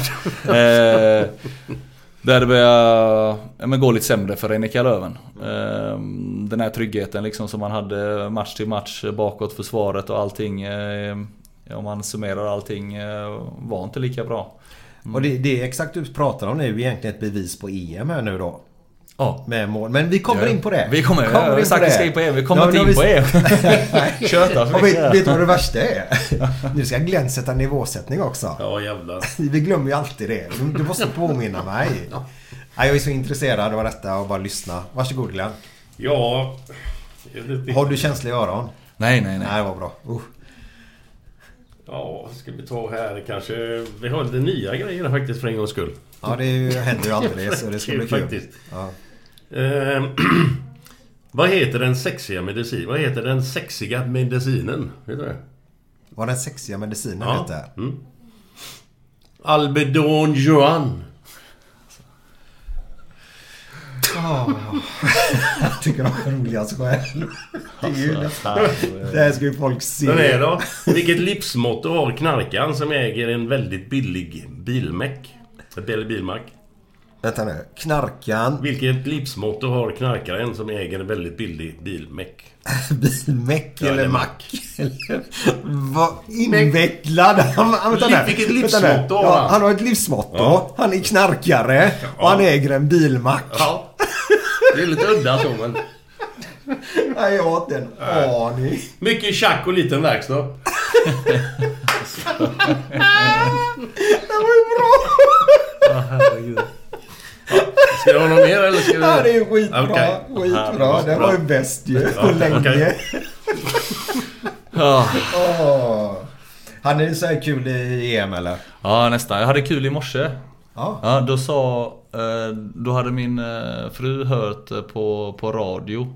Det var nästan så att det kom från, från dig. Men vad, vad, het, vad heter världens fattigaste konstnär? Ja, ja, men det, du har- säga. Ja, jag har hört det, men det Ja, du har det? Ja, ja, men... Jag är ju sen på sånt här, men eh, jag garvade. Alltså jag tyckte det var så jävla roligt. Hur sen är du? Eh, Har inte vi haft den en del någon gång? nej, inte en aning. Pablo Incasso. Är la bra. Nu när du berättar så har jag faktiskt hört den. Men den är bra. Den är bra. Ja, jag, jag tycker det den var heter-. Jag hade inte hört den innan. Nej. Den tycker jag är bra faktiskt. Vi Ja, ja. den första grejen. Vi har haft den förut tror jag, men skit i det. Fantomen och Kalanka och... eh, Och... eh, Musse Pigg har ju blivit hittade döda. Oj. Polisen tror sig... Jag tror att det kan vara en seriemördare som går, lo- som går lös. Serie. Nej. Ja. Ja, jag är världsklass. Men välkommen till Göteborg igen, Ja men tack. Det är, men det är lite därför man känner sig så välkommen i Göteborg Ja, också. det är så. det, är så liksom eh, lättsamt. Det är, Ibland så står man, du, ni får ju ha respekt för att jag kommer från Skåne från början. Ibland, så- ibland så tar det lite tid innan poletten trillar ner. Men Men, det är- det är den gör Det är det till slut. Ja, det det är jag skulle är sagt det, att du har en jävla eh, skön dialekt. Ja. Det är Ja, någon blandgrej. Rikssvenska kallar jag det. Ja, allt, allt möjligt. Ja, Nej, men den är jättebra.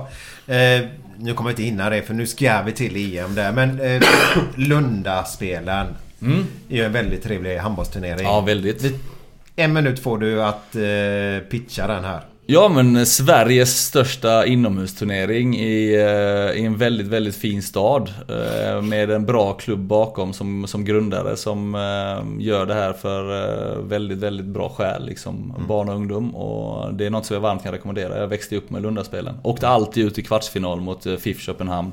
Jaha. Man trodde man var bra, sen spelade man mot gäng danskar och fick alltid pryl. Har du tänkt på att danskarna alltid är jävligt stora i ungdomsåren? Är, är de inte det? Ja men jag har alltid, det är, nästan, det långa är nästan så jag tror att de tar med två, tre år äldre Ja, ibland, jag alltså. tror också det. Alltid stora. Ja, så heter, heter nästan alla Mikkel Hansen också, det är konstigt. Är du jämnårig med honom?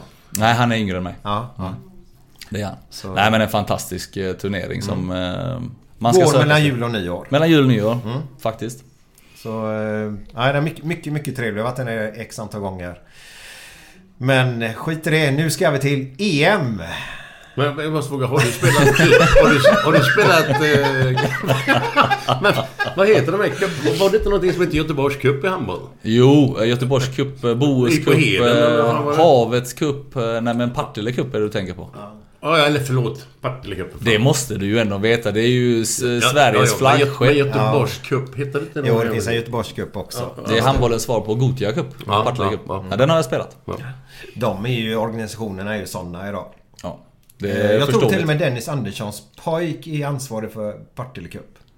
Eh, Dennis ja. Andersson är han som styr Gothia Cup. Ja, Eller ja, styrde, han gör ju inte det längre då. Ja, okej. Tror jag. Nu kanske jag är jätteute och seglar, men det gör ingenting för vi ska till EM nu Ja, Glenn. yes. Jag tänkte på en annan sak bara. Nu kör vi Ja, EM. nu kör vi EM. Eh, du pratade med två år, för två år sedan. Var det då Solberg tog över? Eller när tog han över? Ja, han tog, tog över eh, inför eh, Ja. VM. Och du tyckte. Bragden var året innan lite grann i VM då när ni kom tvåa. Var det, var det mot Danmark också i Ja, finalen där eller? ja, men om man ska berätta en del av historien, så man får en förståelse här då, så hade vi ju ett eh, misslyckat hemma-EM som vi hade byggt upp väldigt mycket förväntningar på här eh, hemma i Göteborg. Eh, 20 då. Eh, som slutade i... Ja men... Eh, vi var inte nöjda med resultatet och... Eh, det hände lite grejer och så. Ja, gruppen kändes inte riktigt trygg och ditten och datten. Och så blev det förbundskaptens eh, skifte och Glenn kom, alltså oprövad norrman. En eh, väldigt, väldigt stor handbollsspelare var han. Eh, men liksom oprövad på, den, på, på det sättet liksom. Eh, ja, kom lite som en överraskning.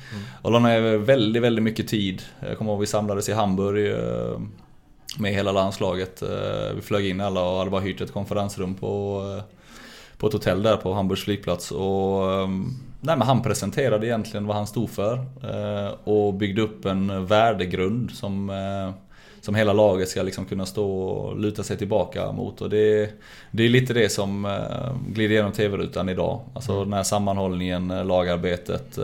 Alla är villiga att göra något för polaren bredvid och det hårda jobbet. Eh, För att eh, summera det kort då. Eh, Och det, hans första turnering och första förberedelse var ju alltså ur mina ögon sett en ren och skär katastrof. Vi tränade 2-2 inför VM i två veckor. Vi max hade väl 3 och 3. Jag som målvakt fick stå kvar i målet men då var det till och med snack om att viruset kunde sprida sig på bollen och så blev man orolig för det. Och sen så var det isolationer på rummet i Eskilstuna. Och du vet vi var ute och sprang 2-2, tränade handboll 2-2 och sen skulle vi åka och spela ett VM med enligt media det sämsta eh, landslaget på, på pappret någonsin. Eh, Var det så jävla illa? Ja, de, Nej, ty- nej, dem, alltså. de, de tyckte det. Eh, Jag fick ju ta många intervjuer där och alltså Någonstans så både vet jag och hade en tro på vad som eh, dolde sig i laget. Det var ju ett x antal spelare idag, om jag ska namnge dem, typ Felix Klar, Lukas Sandell eh, Jonathan Karlsbogård, spelare som eh, jag vet är fantastiska handbollsspelare och besitter kompetens som eh, väldigt få andra gör. Som inte hade varit med i landslaget tidigare. Eh, Men jag sa det innan VM i Egypten att eh, det är många av de här namnen som kommer vara på era läppar eh, efter turneringen. Det ska ni veta och ni kommer att käka upp liksom det ni det ni, det, det ni står och säger här nu. Men det är ju medias uppgift att eh, pressa, trycka, kritisera. Och de gör ju gärna det eh, så fort de hittar minsta lilla, hur bra den är. Eh, vi åkte till, eh, till VM och vi uppfattade en grupp som var väldigt beslutsam på hålla det enkelt och jobba jävligt hårt. Fick en bra början där och tar oss ju hela vägen och växer längs med turneringen och man märker att lagen börjar få respekt för oss. Och sen gör vi den här dunderinsatsen mot eh, Frankrike i semifinalen där eh, jag tror det var länge sedan faktiskt man har sett ett lag eh, spela ut Frankrike på det sättet som vi gjorde. Vi vinner väl med 6 till slut. Och ehm, de hade väl egentligen inte en, en chans, eh, om man nu ska säga det så, eh, när man ser på matchen. Men de var jävligt... Det var lite underskattning ändå eller? Ja men, Frankrike, eh, eller? ja men Frankrike är ju det bästa laget på pappret individuellt sett. De har fruktansvärda atleter och eh, alltså oerhört duktiga handbollsspelare. Men som lag så, så har de haft svårt mot oss. Eh, Och finalen då... eh, Ja det hände ju lite i semifinalen, lite skador och så. Bland annat jag, jag drar på mig en muskelbristning eh, i den här patenterade räddningen som har blivit eh, Ja, känd. den när du har foten uppe Ja, vid... eh, Uppe vid ribban och så. Ja, så det... Nej men vi och lite andra grejer, lite sjukdomar och så tyvärr. Eh, Och vi var rätt, eh, vet en turnering kostar mycket kraft. Eh, Men ändå så i finalen så är vi nära Danmark. Eh, De, eh, de vinner ju på bredden i truppen där och Landin spikar sista 15. Eh, Och vi förlorar med två till slut. Ehm, Och det sjuka är att alltså, efter de förutsättningar vi hade och all kritik och allt det här och det här så satt vi i omklädningsrummet efteråt och eh, var liksom inte nöjda. Alltså vi hade precis spelat en VM-final med ett helt oprövat lag och man kände det i luften. Sen var vi stolta över det vi hade uppnått liksom när allting hade lagt sig och så ett VM-silver är ju, är ju en jättebragd och det är jättestort såklart och någonting jag kommer bära med mig. Men vi växte vidare, det kom ett OS-kval, vi tar oss till OS. Eh, OS blev, eh, vi åker ju kvarten med ett mål eh, mot Spanien. Eh, Jag kommer inte ihåg OS så mycket Nej, faktiskt. jag. ärlig. Jag vet Nej, det blev, det blev lite, det blev lite, men lite skugga över det. Eh, vi hittade aldrig in i turneringen, vi hade mycket, mycket krav på oss utifrån och sådär. Och som sagt de här eh, ja-punktla skadorna som, eh, som infann sig under turneringen eh, satte stora käppar i hjulet för, eh, för många spelare. Det såg man ju inte utåt sett men vi hittade i alla fall aldrig vårt spel riktigt.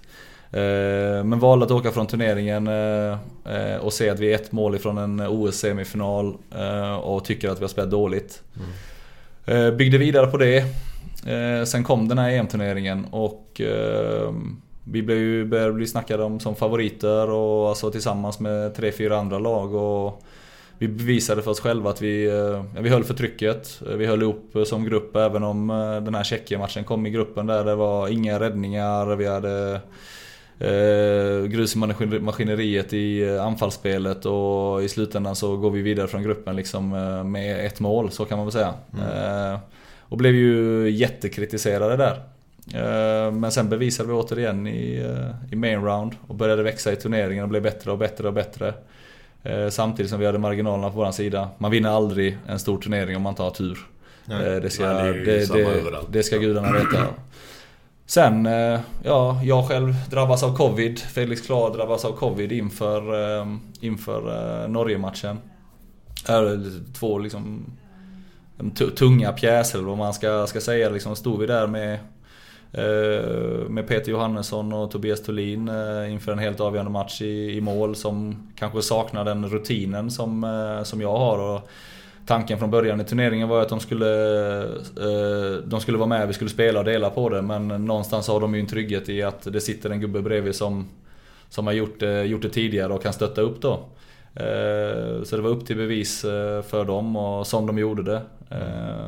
Och visar återigen den styrkan i det svenska laget. Eh, Kommer ihåg Tobias var jätteduktig i starten mot Norge och sen eh, Peter spikar fullständigt i andra halvlek och eh, bevisar att den här traditionen vi har på målvaktsfronten är, helt fantastisk. Mm. Och att eh, den växer, fortsätter att växa även om det är namn som det var tyst om så är det de nya namnen som också kommer. Det är det som är så häftigt att helt plötsligt kommer det fram ett namn så bara Vem fan är det? tänker man. Nej, jag, jag skulle fråga bara under de här turneringarna som du snackade nu. är, är det ungefär samma spelartrupp då eller? Eller, Ja. eller kommer det in nya gubbar under resans gång eller? Nej, men i det stora hela här nu, sen Glenn eh, tog över så har det ju varit... Det är klart det kommer in nya spelare. Eh, Till EM kom ju Erik Johansson på vänsternio och eh, Karl Wallinius på vänsternio in. Två av svensk framtids... Alltså riktigt heta spelare. Men vi har ju byggt ett lag kring spelare som klarar att spela framåt bakåt. Vilket innebär att vi inte behöver byta då. Det är många lag som har en försvarsspecialist och så byter man. Utan nu har vi tre vänsternior som kan spela i mittblocket, alltså centralt i försvaret. Vi har linjespelare som eh, står på den andra positionen som också spelar offensivt. Så eh, vi är ju enormt starka i defensiven och i, eh, i andra fasspelet som det heter. Alltså när man trycker, när man vunnit bollen eller vid snabba avkast. Där är vi, där är vi riktigt bra just nu då. Eh, Sen har vi eh, ett par spelare, Jim Gottfridsson då, Hampus Wanne, Niklas Ekberg som man eh, liksom måste höja som verkligen är alltså bäst på deras positioner i, eh, i världen då. Alltså verkligen topp, toppen. Eh, Som såklart är, är navet i laget och bidrar med lite erfarenhet och sådär. Ja, så så är det. Nej men så turneringen växte ju vidare. Om jag ska fortsätta köta här nu. Ja, men jag älskar det. Jag sitter bara och lyssnar. Eh, Det är ju inget annat man kan göra. Lyssna. Men den här Norge-matchen får vi inte släppa för snabbt bara. Nej, Norge-matchen är ju, är ju- Eh, är ju magisk på det sättet att vi är ju egentligen uträknade i halvlek. Eh, Jag satt ju på hotellrummet och alltså, det flög ju datorer och telefoner och kläder och allting och rev mitt hår. Och det är det värsta som finns när man är delaktig i någonting och inte kan vara med. Alltså vare sig man spelar sitter på bänken, så sitta där och se de man är van att, att kämpa med. Alltså kämpa som djur men det var inte så mycket som fungerade i första halvlek. Vi ligger under med fem. Det är ju eh, fan. Det här, alltså, det här är lite sjukt. intressant för ni ligger under med 14-9. Mm. Ligger under med. Och de flesta tror ju att det är kört då. Ja, det kan man nog säga. ja. Så. Men jag har för mig att det var... Nu, nu, nu tar chansar jag bara. Det är kanske inte är faktarätt. Men jag tror det är faktarätt. Vi låg under med 15-9 för typ... Ja, 0-0 tror jag det var. Eh, Då spelar eh, Wislander och gubbarna mot ryssarna i final. Och i finalen ligger de under med 15-9. Eh, Ryssarna gör ju första målet till 16-9. I andra. Men så det blir 24 lika. Och så blir det förlängning. Och sen blir det förlängning igen. Och så vann Sverige EM-guld då, tror jag det var. Eh, Så jag tänkte skriva på Twitter så här när ni ligger under med 14-9 då. Ja, det är lugnt. För 22 år sedan låg vi under med 15-9 blir 24 lika så nu blir det 24-23 i Sverige tänkte jag skriva då. Men så är det så att jag sk- skrev en tweet en gång så fick jag ja, kom i munhugg med en gubbe Jag mår dåligt av sociala, med sociala medier. Jag hatar det. Jag gillar inte folk två. som är elaka. Jag hatar det. Så jag sket i det bara. Jag sket i det men jag trodde vi skulle förlora ändå. Men jag tänkte att jag skulle skriva det som en liten rolig tweet. Men jag gjorde inte det. Förstår du hur känd du hade varit över den tweeten? Jag vet, jag vet. den? Du, du grämer ju efteråt. Du hade ju blivit analyserad för spelskandaler Jag och sånt där. Liksom. Och jag, fan att jag inte gjorde det. Men jag gjorde inte det och folk säger om det hittade du på efteråt. Nej, jag gjorde inte det. Men jag trodde det var kört, gjorde jag. Men det skillnaden var från den matchen till denna matchen, det är ju sista fem minuterna där. Ja men det är ju det som är charmen med, med handboll och lite där eh, taktiken jag var inne på tidigare här. Eh, Att mycket handlar ju om momentumen man hamnar i och man kan ju lugnt säga att eh, Norge befann sig i momentum säkert 45 minuter av matchen. Medan Sverige befinner sig i, i det i 15. Varav alltså uppdelat på tre perioder skulle jag säga. Och de sista fem minuterna, det är ju faktiskt så att vi har ju bollen med och ligger under med två, med tre minuter kvar. Ehm, och de snor bollen kontrar och gör mål till ehm, det är väl eh, 24-21 kanske. Eh, fel, kanske 23-20 eller någonting. De leder i alla fall med, med tre. Eh, och vi lyckas komma tillbaka och då märker man ju när vi gör eh, 23-22 tror jag det är, eller om det är 24. Nej, 23-23-22. Eh, så märker man ju nerven liksom. Det är ju ingen som vågar eh, skjuta riktigt i Norge. De eh, kommer till ett dåligt avslut, Peter räddar. Eh, vi gör 23-23, de har bollen igen. Eh, samma sak, alltså det är, det är lite det här, de, de faller helt ur deras momentum och de är, alltså då, vid 23-22 var jag säker på att vi vinner. Jaha. Ja, alltså, men det är bara en sån känsla man får när man sitter och tittar på. Lika hopplöst som jag tyckte det var och jobbigt att titta. Där satt jag liksom egentligen bara med armarna bakom huvudet och kände liksom hela känslan, energin. Eh, att det här löser vi. Jag tror de ledde med 23-19 danska. 23-19 Eller norrmännen. Ja, så var det kanske till och med. Ja, så vi gör ju de sista fem åren Fem år, där. ja. Och där, grus i maskineriet kan Ja, man men det är säga. ju helt Men det är makalöst. så jävla kul med handboll. Att det händer någonting hela tiden. Det är, det är inte dös... Men då, i en fotbollsmatch händer ju fan inte ett skit emellanåt. Nej, det, är helt det håller, jag- håller jag med om. Och även hockey liksom. Det händer ju grejer hela Ja, jävla det är tiden. sömnpiller både fotboll och hockey. Nej, men det, handboll händer ju grejer. Även om inte jag tittar ihjäl mig på handboll. Jag är ju inte på, på liksom... Vad heter det? Högsta serien, vad fan heter det? Handbollsligan. Handbollsligan. Ja. Nej men, eh, men som sagt, sådana här matcher det är ju fan sjukt alltså. Det kan inte bli bättre underhållning. Ja, nej, alltså, så som jag reagerar, om, om folk eh, reagerar hälften så mycket som jag gör när man sitter på sitt eldrum och kollar så är det nog en del hjärtproblem alltså, eh, hemma. För jag... Det är jobbigt att titta på. Det är spännande. Ja, för du kan ju inte påverka något. Nej. Du sitter ju bara och tittar på en jävla grej som du inte kan styra över. Men hur, hur var dina sista två, tre minuter där på hotellrummet? Nej men de var alltså när vi gjorde, som sagt när vi gjorde Det var det ena vi gör 23-22 Jag kanske hade fel där med att vi låg under med 23-19 då och inte 23-20 som jag sa Eh, Men eh, då, som sagt, jag kände ju momentumet Alltså jag såg ju på de eh, norska spelarna, jag såg ju då på Sanders Augustsson, Harald Rankid att de de var helt slut och eh, alltså, de behövde ju ett mål och de försökte tvinga fram ett mål. Och när de försöker tvinga fram ett mål då, då blir det stappligt. Och de kommer ju till dåliga avslut där och det är med tekniskt fel och sen... Eh, sen får vi ju chansen och då ska ju ett par iskalla själar fram och då var det ju lilla Walter som... Eh, ja, alltså... Det ska till... Det ska till en, en sån kille för att sätta den straffen också. Det är ingen dussinmålvakt som står där i Bergerud heller. Alltså, han har plockat några straffar den turneringen. Så att, eh, nej och sen var det ju bara eufori. Eh, jag kommer ihåg det sista avslutet som ni säger som man bränner så jag... Jag hade inte en tanke på att den kunde gå in ens. så så eh, det var... Nej men grymt. Alltså sjuk upplevelse och som sagt lite marginaler också. Och sen var det ju, jag kommer ihåg jag och Felix, vi, vi hade ju nästan bokat sjuktransport hem alltså för att inte sitta kvar i Bratislava. Eh, Ja, det är ju jävla datorer där. Men eh, Bratislava. Ja, men vi var ju där och sen blev det ju helt, eh, helt andra bullar och vi skulle ju eh, lira semifinal och det blev mot Frankrike och turligt nog så lyckades jag ju testa negativt igen efter min covid-sjukdom. Och, Vad jag så, så att du inte för långt ja, och ja, då blev det ju återigen det här som vi var inne på innan. Den här liksom blicken, alltså vägen rakt fram. Eh, För mig personligen fanns det ju liksom bara ett mål och det var ju att eh, om jag spelar liksom, spela, spela så bra jag kan och vi skulle, vi skulle vidare igen. Ehm, och semifinalen var helt otrolig eh, på sitt sätt. eh, Så som, det, så som den blev. Vi låg ju under i början och Frankrike hade övertaget. Och vi biter oss i kapp och är förbi i halvlek och sen så har vi... Ja men nu kan du inte... Vänta, går det för fort nu, eller? Ja, ja, ja. ja. Ja, det- det, det, är ju alltså, det är ju det som är så roligt efter ett tag i den här matchen så, så är det ju någon som leder skytteligan. Ja, det var ju du ja, vad fan. Ja, nej, men den är, den, den är lite surrealistisk där. Jag, Ja men vänta. Var det tre? Vi tre kan inte bara Ja, tre släppa det här. Nej, nej, nej. nej, nej, nej. ja, den vill ni ha med? Okej. Ja, ja, ja. Köper det. ja. Nej, men Nej, det- men du hade vi 7-6 spelet vi pratade om förut som vi då... Just den halvleken älskar vi ju 7-6 naturligtvis. Ja men det var väl 7-6 och så var det något eh, undertalsspel där också där de Ja. spelar...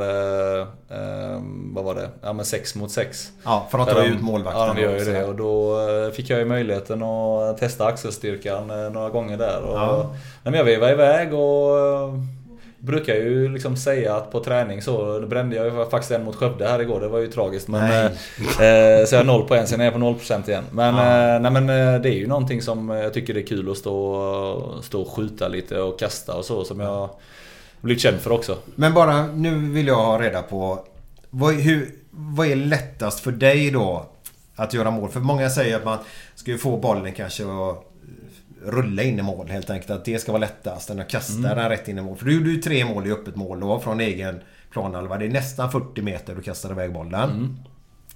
Men vad är lättast för dig? Är det att pricka den rätt in eller ska den rulla innan? Vad tycker du är enklast? Nej, men det lättaste är att ta det naturliga liksom. Eh, när man missar det är när man tar i eller man hittar på någonting annat. Ja. Eh, och för mig är det att träffa ungefär en meter innan mållinjen kan man säga. Det studsar. Eh, det blir en naturlig, en naturlig kaströrelse när jag liksom kastar igenom. Och då är jag rätt pricksäker. Eh, och jag har väl den och sen har jag är ju rätt aktiv i det offensiva spelet i första fas kontringar och drar iväg hårda passar upp på halvplan och sådär för att sätta igång spelet. Och Ja. Det ju, har ju varit eh, en av mina absoluta styrkor som handbollsmålvakt att jag är väldigt aktiv i det och att vi utnyttjar det då. Så det blir ju en fördel för laget. Vad, vad snittar du på, på en säsong på mål? Och nej, det är inte så många men eh, runt... Jag har väl gjort 15 landslagsmål nu tror jag. Och per säsong vet jag att jag hade något år där jag gjorde 9. Ehm, så Ja, ja, jag ligger långt ner i skytteligan. men det, Men är som det- målvakt är det rätt bra. Ja. Är, är det en skön känsla att göra mål? Ja men det är klart, det är ju jättemycket energi och det är Ja. ju jobbigt för motståndaren när målvakten prickar. Och prickar man då tre gånger i rad Ja. så är det ju hopplöst. Då blir det ju helt plötsligt eh, demoner i huvudet på tränarna och spelarna. Ska vi verkligen spela 7 mot 6? Ska vi verkligen ta ut målvakten? Och du vet, då tar man ju en del av den taktiken bort från dem. Men, Ja. men är det det första du tänker på när du får en boll så i det läget? Nej, i- ingen målvakt är det. Du tittar upp direkt, bara smack så är det bara. Ja nu gör jag det. Man hinner ju inte tänka så länge kan jag tänka mig. Jag har ju också, nu har jag ju Jonathan Karlsbogård som står bredvid mig och bara så SKIT! Så jag bara står och pekar. Jag bara, ah, okej ni skjuter. Säger han så? Ja, nej, men alltså, det måste ändå betyda att han har börjat lita på mig Ja, när ja, jag ja, ja. skjuter. ja, ja. Jag har haft spelare som står så NEJ! Också så. Nej men det är lite grann du vet när man spelar paddel så, så Man ska ju äga nätet men oftast står man ju på hälarna där bak. Ja. Men om den andra parten och skriker, ropar Fram! Ja, just det ja. Ja, då, då då, kommer kommer man. man. Så får man inte den lilla kicken, någon som pushar en så kanske man glömmer av alltså. Ja, nej, det är definitivt. Alltså det, det blir ju... Det blir ju något eh, synkat samarbete där. Men eh, i vanliga fall så har jag alltid blicken på kanterna liksom. Att Ja. eh, de är där. Ja. Jag har hört rykten om att du och din fru har slutat spela paddel ihop. Stämmer det? Jaha, ja det, ja, det stämmer. Ska har, lite... har det med känslor att göra eller? Ja, nej men så här nu, nu ska ni... Det kom fram lite fel. För att så här är det. Vi älskar ju varandra såklart. Eh, men eh, eh, Sandra är väldigt, hon var väldigt duktig på padel Så det var väldigt sorgligt att hon inte ville spela mer med mig. Men eh, vi hade en incident då efter att vi har spelat några gånger. Då var vi med min bästa vän, han hade födelsedag, så vi hade överrasknings... Eh, eh, Eh, fest för honom och då spelade vi paddel på morgonen ett eh, gäng polare och, partner då. Och då spelade vi en match och så ville jag utveckla det här, just det, vi brukar byta sida men eh, skulle vi inte göra det, vi ska hålla våran sida. Och det blev en liksom diskussion och så kanske hade vi ätit lite frukost och sådär och så förlorade vi och då Då hivade jag racket ut i skogen.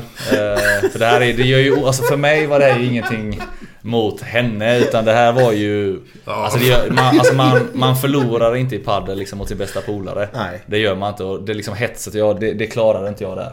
Och så eh, råkade jag väl säga alltså, typ något i form med alltså fy fan vad det här var dåligt. Och så givetvis så uppfattade hon ju det som att jag menade att det var hon. Det var inte det. Nej. Men jag, i, idag när jag ser tillbaka på situationen så kan jag förstå Förstå att det kanske framkom så, men jag vill vara tydlig med att det var inte därför utan det var bara för att jag är, jag är ingen Eller egentligen är jag en bra förlorare på det sättet men jag, jag hatar att förlora Eh, Och speciellt mot min bästa polare och få höra det hetset sen resten av dagen Det, Det är inte roligt nej. Nej det är säkert Har du, hittade, du, hittade du racket sen eller i skogen? Nej.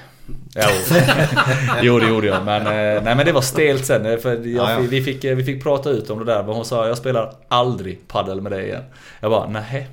Så det var lite sorgligt. Ja. Nu släpper vi det. Men Släpper bra, vi. bra. Det- Men vi älskar varandra ändå. Ja, ja, ja. ja. Det var för jävligt annars. Så, fortsätt där vi var innan. Ja, nej men eh, Frankrike-matchen då. Eh, och det var ju, när vi snackade om Norge-matchen så var det ju kanske vi som hade momentum där och eh, Norge som hamnade under stress. Men vi, vi äger ju matchen mot Frankrike återigen som i, eh, som i VM-semifinalen året innan. Eh, faktiskt under ja, men 50 minuter ska jag väl säga. Det är de första 5-7 minuterna i första halvlek som de, eh, som de äger matchen och sen eh, när vi eh, jag tror jag räddar och vi gör 34, eller vi har 34-32 eh, leder vi med och det är, ja vad kan det vara, en och en halv minut kvar. Och de går upp på man-man där och så är vi en man utvisad. Och där gör vi ju två tekniska fel eh, från ingenstans. Som eh, genererar ja, men 34-33 på en kontring och sen så har vi eh, ja, det här sista då när eh, de tycker jag håller bollen för länge, jag sätter mig på bollen och eh, ditten och datten. Men vi, vi lyckas ju knyta ihop säcken där återigen och det är, Som sagt, det ska till i slutändan så ska det till en eller två speciella situationer för att man ska Ska vinna mm. sådana här matcher och den här gången så var det Tur att det satt lite äggröra i eh, röven på mig och att eh, man, eh, man satt snabbt på bollen. För Ja. Det var en sån grej då. Ehm, Så det... Ja, det är ju ett legendariskt. Det kommer ju vara gå igenom alla tider. Ja, nej men den... Ja, det är något som såklart kommer leva med oss alltid. Att det var, var, var så det slutade och magiskt. Så, Hur, hur, hur känner du att se dig själv på TVn? I... Eh, nej men jag har rätt svårt, jag har rätt svårt eh, att höra mig själv så det här kommer bli jobbigt sen, alltså höra min egen röst. Jag tycker inte alls jag låter som eh, när jag själv tjötar. Och nu har ni Ja. märkt att jag gillar att köta Ja, så ja, det är- jobbigt det det det går ut på. Det. det. jobbigt att höra, höra en själv då. Eh, men nej men se det, jag måste ju analysera mig själv. Eh, men det är bara jobbigt varje gång man tittar på sig själv även om folk tycker, om man själv känslan var att man är, har varit eh, jättebra. Ja. Så går man alltid ifrån känslan och känner sig eh, sämre än den känslan. Eh, Men åt andra hållet också, om man varit riktigt dålig så hittar man eh, eh, saker som tyder på att man inte var det. Ja, exakt. Så att, eh, ja, blandade känslor. Ja, Mm. ja. Det är ju... Eh, jag vet inte om människan är sån just... Att- Förmodligen. Det är Ja. säkert jätte, jättevanligt att man är så. Man är ju den största kritikern själv. Ja. Eh, Det har jag alltid sagt till media och så också att eh, Det finns liksom, ni får kritisera mig hur mycket ni vill, rör mig inte i ryggen. För den känslan jag känner inombords ändå om jag misslyckas med någonting kommer ni inte i närheten av. Så det spelar ingen roll. Eh, Det, ja. Hur, hur, hur var känslan mellan semifinal och final? Eh, nej laget eh, och- Beslutsam. Jag hade ett snack med förbundskaptenen. Jag kommer ihåg att efter semifinalen i VM så var vi väldigt, väldigt glada. Det var sjung och stå hej i omklädningsrummet efteråt och eh, bara en ren och skär lycka. Alltså stämningen efter semifinalen, det var liksom... eh, Det låter kanske lite tragiskt det här men det var en helt annan beslutsamhet i laget. Det var liksom inte färdiga. Eh, Så det var bara... Ja, Kan det ha varit det som i VM-finalen innan att... Ja men just att man blir... Nej, att man blir nöjd menar du? Ja, lite grann. Fast man vill, vill ju alltid gå ut och vinna men du förstår vad Ja, jag men så, så kan det säkert vara, men man får ju också visa respekt för att eh, alla lag växer ju med sig själva också. Den situation vi befann oss i då, det, jag har ju berättat om alla aspekter liksom utifrån och eh, de här ej existerande förväntningarna och allting. Vi var underdogs, de har till och med gjort en dokumentär som heter Underdogs om det. Eh, som slutar i ett VM-silver och att man slår stora mäktiga Frankrike med sex mål i semifinalen. Det är ju eh, oförklarligt egentligen. Ja. Alltså hade någon sagt det innan så hade de eh, liksom oddset hade varit eh, Ja. eh, 20 gånger pengarna på att eh, vi skulle lyckas med något sånt. Eh, och nu i EM så Ja, det var en annan beslutsamhet. Laget hade växt in i rollen att kunna Kunna leva i en eh, favoritroll liksom. Att det inte längre var så Nu låter det här sjukt men märkvärdigt att slå Frankrike. Det är en jättestor grej att slå Frankrike men Vi var inte färdiga. Eh, och vi hade ett långt snack jag och förbundskaptenen om det att eh, Vi har tagit kliv. Eh, sen betyder inte det att vi vinner, eh, vinner finalen för det men här finns mer att hämta. Eh, och det fanns det. Hur, hur var det precis innan finalen skulle blåsas igång? Hur kändes det? Jag hade faktiskt en... En... Vad ska man säga? Det är svårt. Jag lever ju på adrenalin. Så att du är så fullpumpad eh, av adrenalin inför en sån match. Men det var ett fokus som sagt. Det var inte mycket leende och det var inte mycket så. Utan det var ett fokus och alla... Alla var beredda, så kan jag väl säga. Kunde man ta på stämningen eller? Ja, ja. ja, ja. Vi hade ju tillresta supportrar och allting och det var ju riktigt bra stämning i hallen också. Och det var ju ytterligare en, eh, en sak som, som, som kom till gentemot VM. Det var ju publik och när vi kom till Budapest där de hade dragit tillbaka sina coronarestriktioner så det var ju... Jag vet inte vad de sa om det var 10 eller 12 000 i hallen. Nu tar den 20 då men det är ändå rätt så, rätt så bra. Eh, Så det tillkom ju och man såg en del svenskar på, på läktaren och jag tror till och med danskarna och norrmännen eh, höll på oss. Så det blev, eh, det blev bra stämning och det blev liksom bra tryck på det. Så, ja. Hur mycket... Var, det skillnad på snacket från Glenn? Kvartsfinal, semifinal eller final? Eller, bara, eller gör han ungefär samma varje gång eller? Nej men de, han gör ju väldigt mycket grundläggande innan matcherna. Han har ju nästan blivit känd för och till och med kritiserad för att timeouterna och så här är ju... Ja men mycket Jim Gottfridsson som... eh, Som, Ja, som, som pra, pra, pratar mycket. Ja, jo, han har ju en del klassiker där nu. Ja, är- som såklart blir klassiker när det gick som det gick. Men det är, ju, eh, det är ju också en grej som är det stora i hans ledarskap. Att eh, låta människorna växa. Och han säger ju själv också, så när jag spelade själv så uppfattade jag ju spelet helt annorlunda också än vad, man gör på bänken. Man har ju en känsla. Eh, och det förtroendet portionerar han ut till sina spelare och vill att de växer i det. Han vill hela tiden ha eh, våran input. Det är klart han väljer spelare. Det fi- finns ju erfarna, mindre, mindre erfarna spelare så, men han väljer att ge oss det ansvaret och ha det, det förtroendet för oss. Och gruppen har växt enormt med det. Så han, så han kände lite grann att när väl matchen satte igång så var han klar med sitt arbete lite grann om man säger... Men han jobbar ju väldigt mycket på bänken med Ja. spelarna där. De kommer och byter liksom, eller pratar med mig när jag är på bänken. Så det är ju ett enormt arbete som görs såklart. Mm. Men eh, han får ju inte synas i TV-rutan för ni hör ju inte det. Nej. Eh, så Nej, det, han, han blir ju, nä- det är ju nästan så att han har blivit förminskad några gånger i och med de här timeouterna. Men det är ju typiskt media att hitta en sån grej bara för att det är, vad säger jag, vad heter det, irrationellt. Alltså det är inget eh, normalt beteende. Men Ser du- spanjorerna som... och så, men- Hos oss står eh, liksom eh, en spelare och liksom... Ja. Men det är ju planerat allting. Bengan gjorde ju likadant. Han lät ju spelarna ta hand om det. Mm. De var ju duktiga på det, gubbarna själva. Ja, och vi Så- har ju eh, bevisligen bevisat att eh, det, det är liksom en bra väg att gå. Sen såklart så finns det moment när både han och Martin Bokvist eh, kliver in och säger sina saker. Vi kör på igen. Jävla dator. Dagens teknik. Ja. Men i vilket fall som helst, eh, finalmatchen nu då. Ja, nej men den... Eh, vi skulle spela mot Spanien. Spanien har ju vi haft eh, väldigt svårt för. Vi mötte dem i gruppen och fick eh, rätt rejält med pryl. Alltså tycker ändå att vi gör många saker väldigt bra. Eh, men det, det jobbiga med Spanien är att de alltid... eh, Hur bra man än spelar tycker man att alltså man, man lyckas aldrig hänga av dem. De lyckas alltid hänga kvar, det är alltid ett, två mål, det blir aldrig tre. Eh, och man, man har liksom inget riktigt svar på varför det händer. De är bara så fruktansvärt skickliga på att hitta situationer i matcherna, alltså individuellt och taktiskt. Eh, som är helt nya grejer som man inte kan förbereda sig på. Eh, tittar man på dem individuellt sett så tycker jag att vi som lag hade ett bättre lag, bredare lag. Men de, är, de spelar den bästa handbollen, den mest oförutsägbara handbollen av alla lag i världen. Ehm, och det, det tog ju dem till final den här gången, men i finalen så... Ja, det började ju i första halvlek tycker jag. Liksom, vi fick jättebra träff, försvarsspel, målvaktsspel, eh, vi, vi gjorde mål. Vi har aldrig haft problem att göra mål mot, eh, eh, mot Spanien, men vi har alltid haft problem att försvara oss. De har alltid lyckats hitta luckor och så. Men vi går in i halvlek och tycker att vi har gjort en riktigt bra försvarsinsats. Alltså vi fick räddningar och liksom vi har igång vårt spel. Men vi låg ändå under. Eh, och det är liksom lite det som är grejen med, med Spanien. Så man satt ju ändå där man bara, men alltså okej. Vad bör- Vad stod det alltid? vi låg under med ett. Ett. Eh, Jag tror det stod eh, 14-13 i halvlek. Om jag inte minns fel. Eller 13-12 kanske. Eh, Till Spanien. Och eh, andra halvlek börjar och de, eh, de, gör ju, de leder ju med tre tror jag. Eh, De drar ju ifrån lite och eh, matchen blir mycket öppnare. Kom ihåg vi, eh, det är två trötta lag.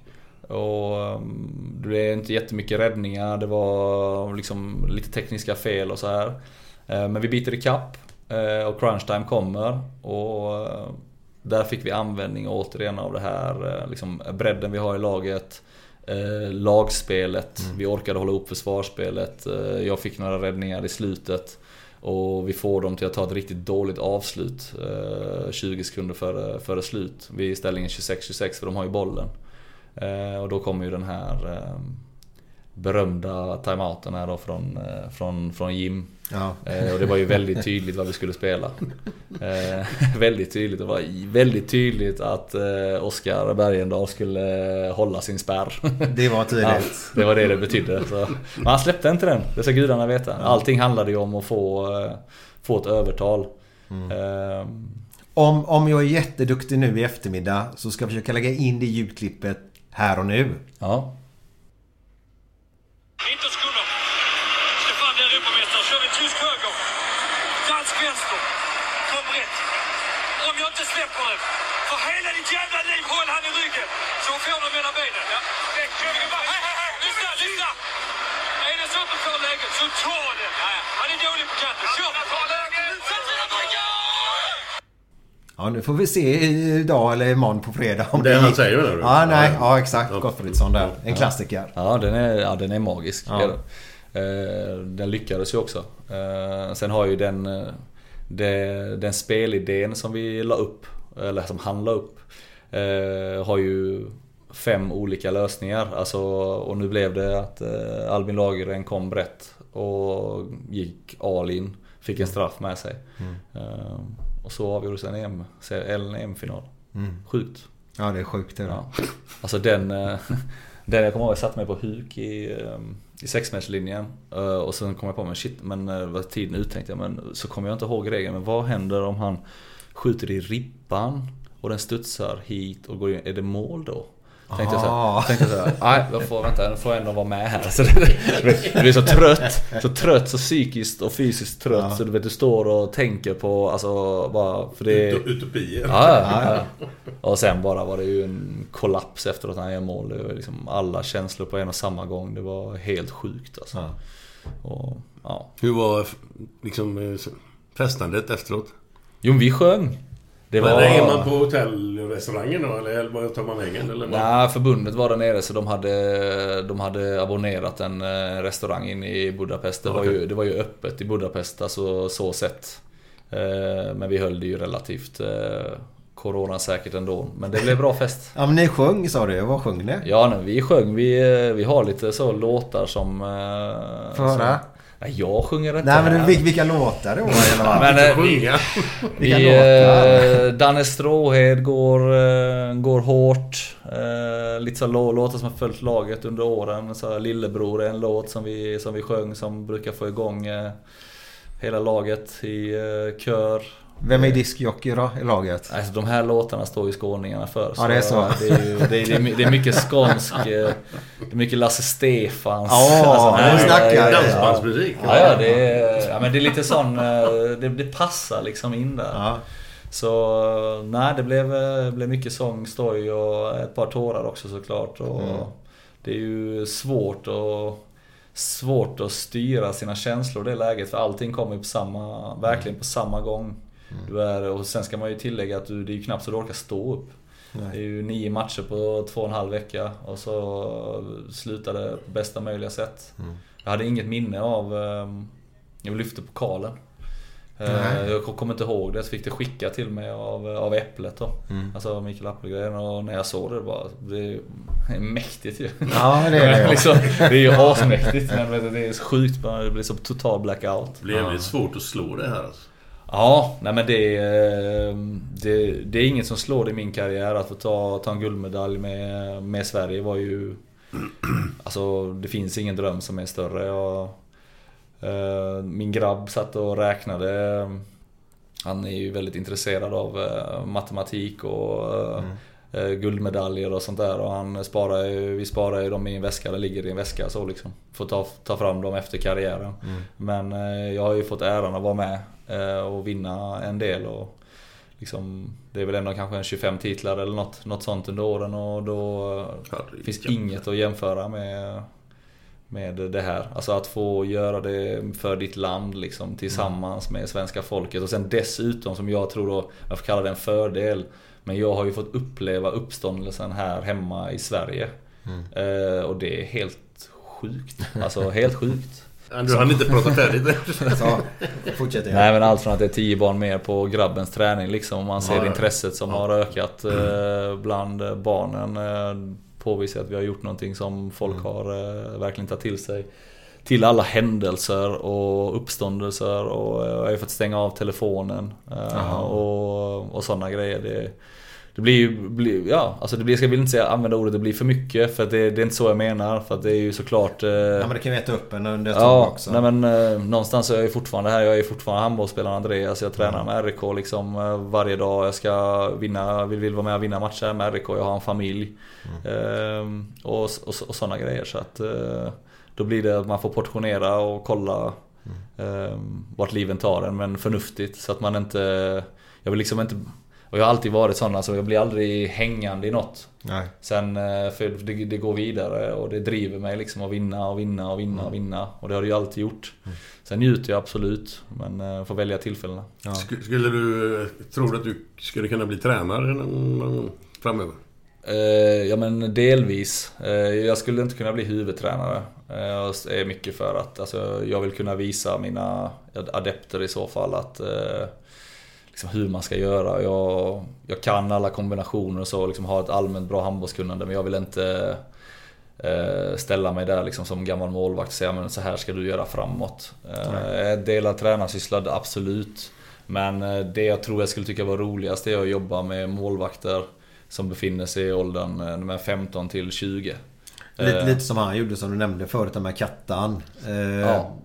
Nej men alltså för det, jag jag vet vad som händer under de åren, jag vet hur viktiga de är och jag vet själv liksom vad jag hade och vad jag inte hade. Eh, och jag tror att med det jag har fått uppleva så tror jag att jag skulle kunna ge de här eh, liksom en bra vad säger man, en bra riktlinje, en bra, bra väg i, i deras liksom, utveckling och framtida karriärer. Och få dem att förstå vad som är viktigt och vad som är roligt. Fan vad bra. Och gäller att ha roligt på vägen också. Det är, Det är Om man fruktansvärt inte har det så är det, det är ju helt meningslöst. Då eh, har du inte kul så, Nej, nej, nej, och mår du inte bra så blir det ändå inte. Och tyvärr så är ju elitidrotten på väg lite åt det hållet. Det, Ja, det, nu el- snackar vi lite mer fotboll kanske då. Ja, Men elitidrotten är ju väldigt inrutad. Alltså, och det ska man ha respekt för, allt, allt som byggs upp och man ska ha liksom en tro på det och så. Men det finns ju såklart förbättringspotential på många, på, på många håll och kanter. Men det är ju enormt viktigt i den åldern. Om du ska ha ett, driv för någonting så måste det vara roligt. Du måste liksom känna det. Absolut. Känner du inte att det är kul, känner du att du går till träningen och tycker att det är pest. Då, då är det inte rätt grej man gör. Nej. Så enkelt är det. Eh, vi nämnde här i, i avsnittet, vi pratade om att ni hade två bra målvakter i, i eh, vad heter det, Löven... Lövenbrand. Eh, Brand, ja. Eh, och så sa jag sa ju något sånt här då att ja men det märkte vi i EM sa jag då. Mm. Tre bra målvakter hade Ja eller tre bra där till och med. Eller två, Eh, de andra är bra. Ja, ja just det ja. Enligt din pojk. Ja men det var så var det ju i EM här nu då. Att du fick ju covid, fick vila upp dig lite grann till och med. Var det, för du sa ju själv att du kände dig väldigt pigg och fräsch när det var finaldags. Ja, nej men så här har det ju varit. Jag delade sysslan med Aggefors eh, de första turneringarna. Mikael Aggefors spelade i Ålborg. Ja, Han är ett år äldre än mig då. eh, Jag förespråkar ju ett målvaktssamarbete. Eh, Och det hade vi. Eh, Och vi är riktigt goda vänner och allting. Nu eh, valde de två andra målvakter till, till EM. Och jag förespråkar det här men delvis för att jag vet att jag klarar inte av att spela nio matcher och det gör ingen målvakt, inte ens de som är 22. Nej. Eh, utan ska man ha ut maximalt så måste man ha en, en spelplan. Alltså lite som schack. Man får välja liksom, ja men eh, Palle som är jag då, eh, passar bäst mot eh, Bosnien. Peter passar bäst mot Norge. Tobias passar bäst mot Polen. Och så man måste, det är ett spel och du måste portionera dina krafter och, och jobba på det sättet för att ha framgång i det, i det långa perspektivet. Och det är såklart en, vad ska jag säga, det är såklart en risktagande att sitta som förbundskapten eller målvaktstränare och ditten och datten i, under ett mästerskap och så har du kanske då Peter Johannesson som spikar mot Norge. Och sen att sätta Andreas Palicka mot Frankrike från start. Ja. Alltså det är inte så jäkla självklart. Nej nej. Eh, Men man måste någonstans göra så på det sättet. Och vi brast på det. I, eh, det var en av analyserna eh, som vi brast på i, eh, i VM. Ja det var så. Att eh, ja, vi brast på det i, i VM och då, då blev det att vissa spelare eh, spelade liksom för mycket. Om man nu ska hårdra det. Eh, Jag eh, var helt tömd. eh, Gottfridsson var helt tömd. Och fler spelare som var helt tomma. Eh, Som hade gått stenhårt. Ni kan ju föreställa er själv, som sagt jag återkommer till det. Men om man verkligen sätter i huvudet hur nio matcher är på, på två och en halv vecka. Så kan man ju själv, eh, själv före, alltså föreställa sig vad det innebär både fysiskt och mentalt. Så det är ju en grund till att det ska fungera. Och eh, nu var det ju andra aspekter då med covid och så som gjorde att, eh, att det blev, blev så här. Ehm, Men det blev optimalt. Eh, Och det har man nog faktiskt lärt sig väldigt mycket av. Och jag förespråkar ju det stenhårt att under turneringar på alla positioner att gå runt på krafterna. När är nästa stora mästerskap? Men nästa stora mästerskap är ju hemma-VM här i När januari. Eh, 23, januari 23. Och då är du med om du blir uttagen eller? Ja, alltså eh, jag har ju eh, satt min... eh, Alltså jag är ju... eh, Vad säger man? Ehm, Jag kommer aldrig att tacka nej till, eh, till svensk handboll. Eh, Det har, jag, det har jag sagt. Men jag var ju med i, det skulle jag hälsa från Grun, Grunden Boys eh, podden var jag med på. Eh, De var så glada att eh, de hann före också. Ja, ja, ja, ja, det är bra. Det är bra. Fantastiskt härlig intervju för övrigt. Men, Var det Jocke eller som höll i den intervjun där? ja, det var Jocke. Fantastiskt härlig alltså. Men det måste vara att eh, jag ju själv blivit intervjuad av de här gubbarna så det måste vara jävligt roligt. Ja det var en av de, alltså, om inte den mest givande intervjun jag gjort på i hela min karriär alltså. Det var, alltså det var garv från start till slut. Alltså jag tycker det Goa var frågor man får. Ja men det var liksom eh, allt, eh, det, det började liksom med hur var EM-känslan? Eh, Och vinna EM. Ja, fantastisk. Hittade du din fru i Tyskland eller? Du vet, det, det var... Det går hit och ja, dit. liksom, eh, hur får du upp foten i krysset? Har du käkat kanel någon gång? det var... Det var... Ja, det är ren och skär klass. Ja, Jocke är ren och skär världsklass kan man säga. Men Glenn, vi ska avsluta här nu. Ja. Eh, men nu ska vi eh, Innan du kommer tillbaka med dina roliga historier. Så ska vi ha lite fredagskänsla. Vi fick ju inte det första låten riktigt Nej, eller? nej. nej. Så på vägen hem nu, vad gör man då? Då kör man in på något härligt systembolag. Ja, och så köper man lite gött öl. Om man gillar dem Ja, ja, men det gör de flesta. Eller så... Eh, vad, vad, vad äter man? Sätt in tänderna nu för fan. är det mycket korv i Tyskland? Det är mycket, mycket korv i Tyskland. Det är det, va? Ja, det är där, där ligger de i framkant alltså. Ja. Korv. Korv är jävligt gött. Korv och öl, det Ja. är det. Ja. Men jag Det- tror Götaölet hade passat i eh, Tyskland också. Vad sa du? Ni får la expandera till Tyskland också. Ja, det blir nog svårt att konkurrera med de där. Nej, den är lite tysk. Den är tysk. Ja, ja, okej. Så, eh, men vi kommer med en härlig låt här nu då. Ja. Och alla ni där ute nu som har lyssnat på den här podden och är på väg hemåt nu. Ha en jävla rolig helg.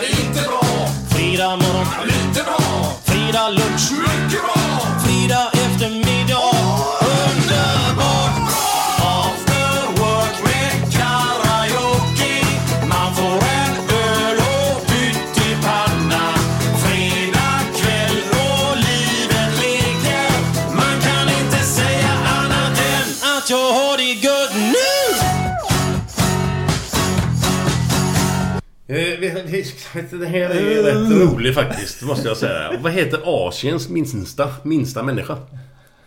Asiens minsta människa. Ja.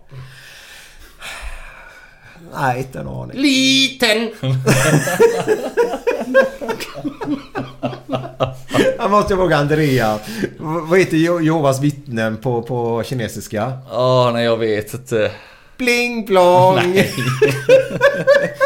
Avslutningsvis så kommer det här. Vad säger gynekologen när han kommer in på gymmet? Gynekologen. Ja, Fan, han kommer in på gymmet. då. Den var ju skum. Ja, den var skum ja. Ja. Känner ni er fitta? Ja, men Glenn. Ja, under bältet. Ja, ha det gött, ha det gött. Ha det gött, ha det gött. Mom deserves the best, and there's no better place to shop for Mother's Day than Whole Foods Market. They're your destination for unbeatable savings, from premium gifts to show-stopping flowers and irresistible desserts. Start by saving 33% with Prime on all body care and candles. Then get a 15-stem bunch of tulips for just $9.99 each with Prime. Round out Mom's menu with festive rosé, irresistible berry chantilly cake, and more special treats. Come celebrate Mother's Day at Whole Foods Market. Planning for your next trip? Elevate your travel style with Quince. Quince has all the jet setting essentials you'll want for your next getaway, like European linen, premium luggage options, buttery soft Italian leather bags, and so much more. And it's all priced at 50 to 80% less than similar brands. Plus, Quince only works with factories that use safe and ethical manufacturing practices. Pack your bags with high-quality essentials you'll be wearing for vacations to come with Quince. Go to quince.com slash trip for free shipping and 365-day returns.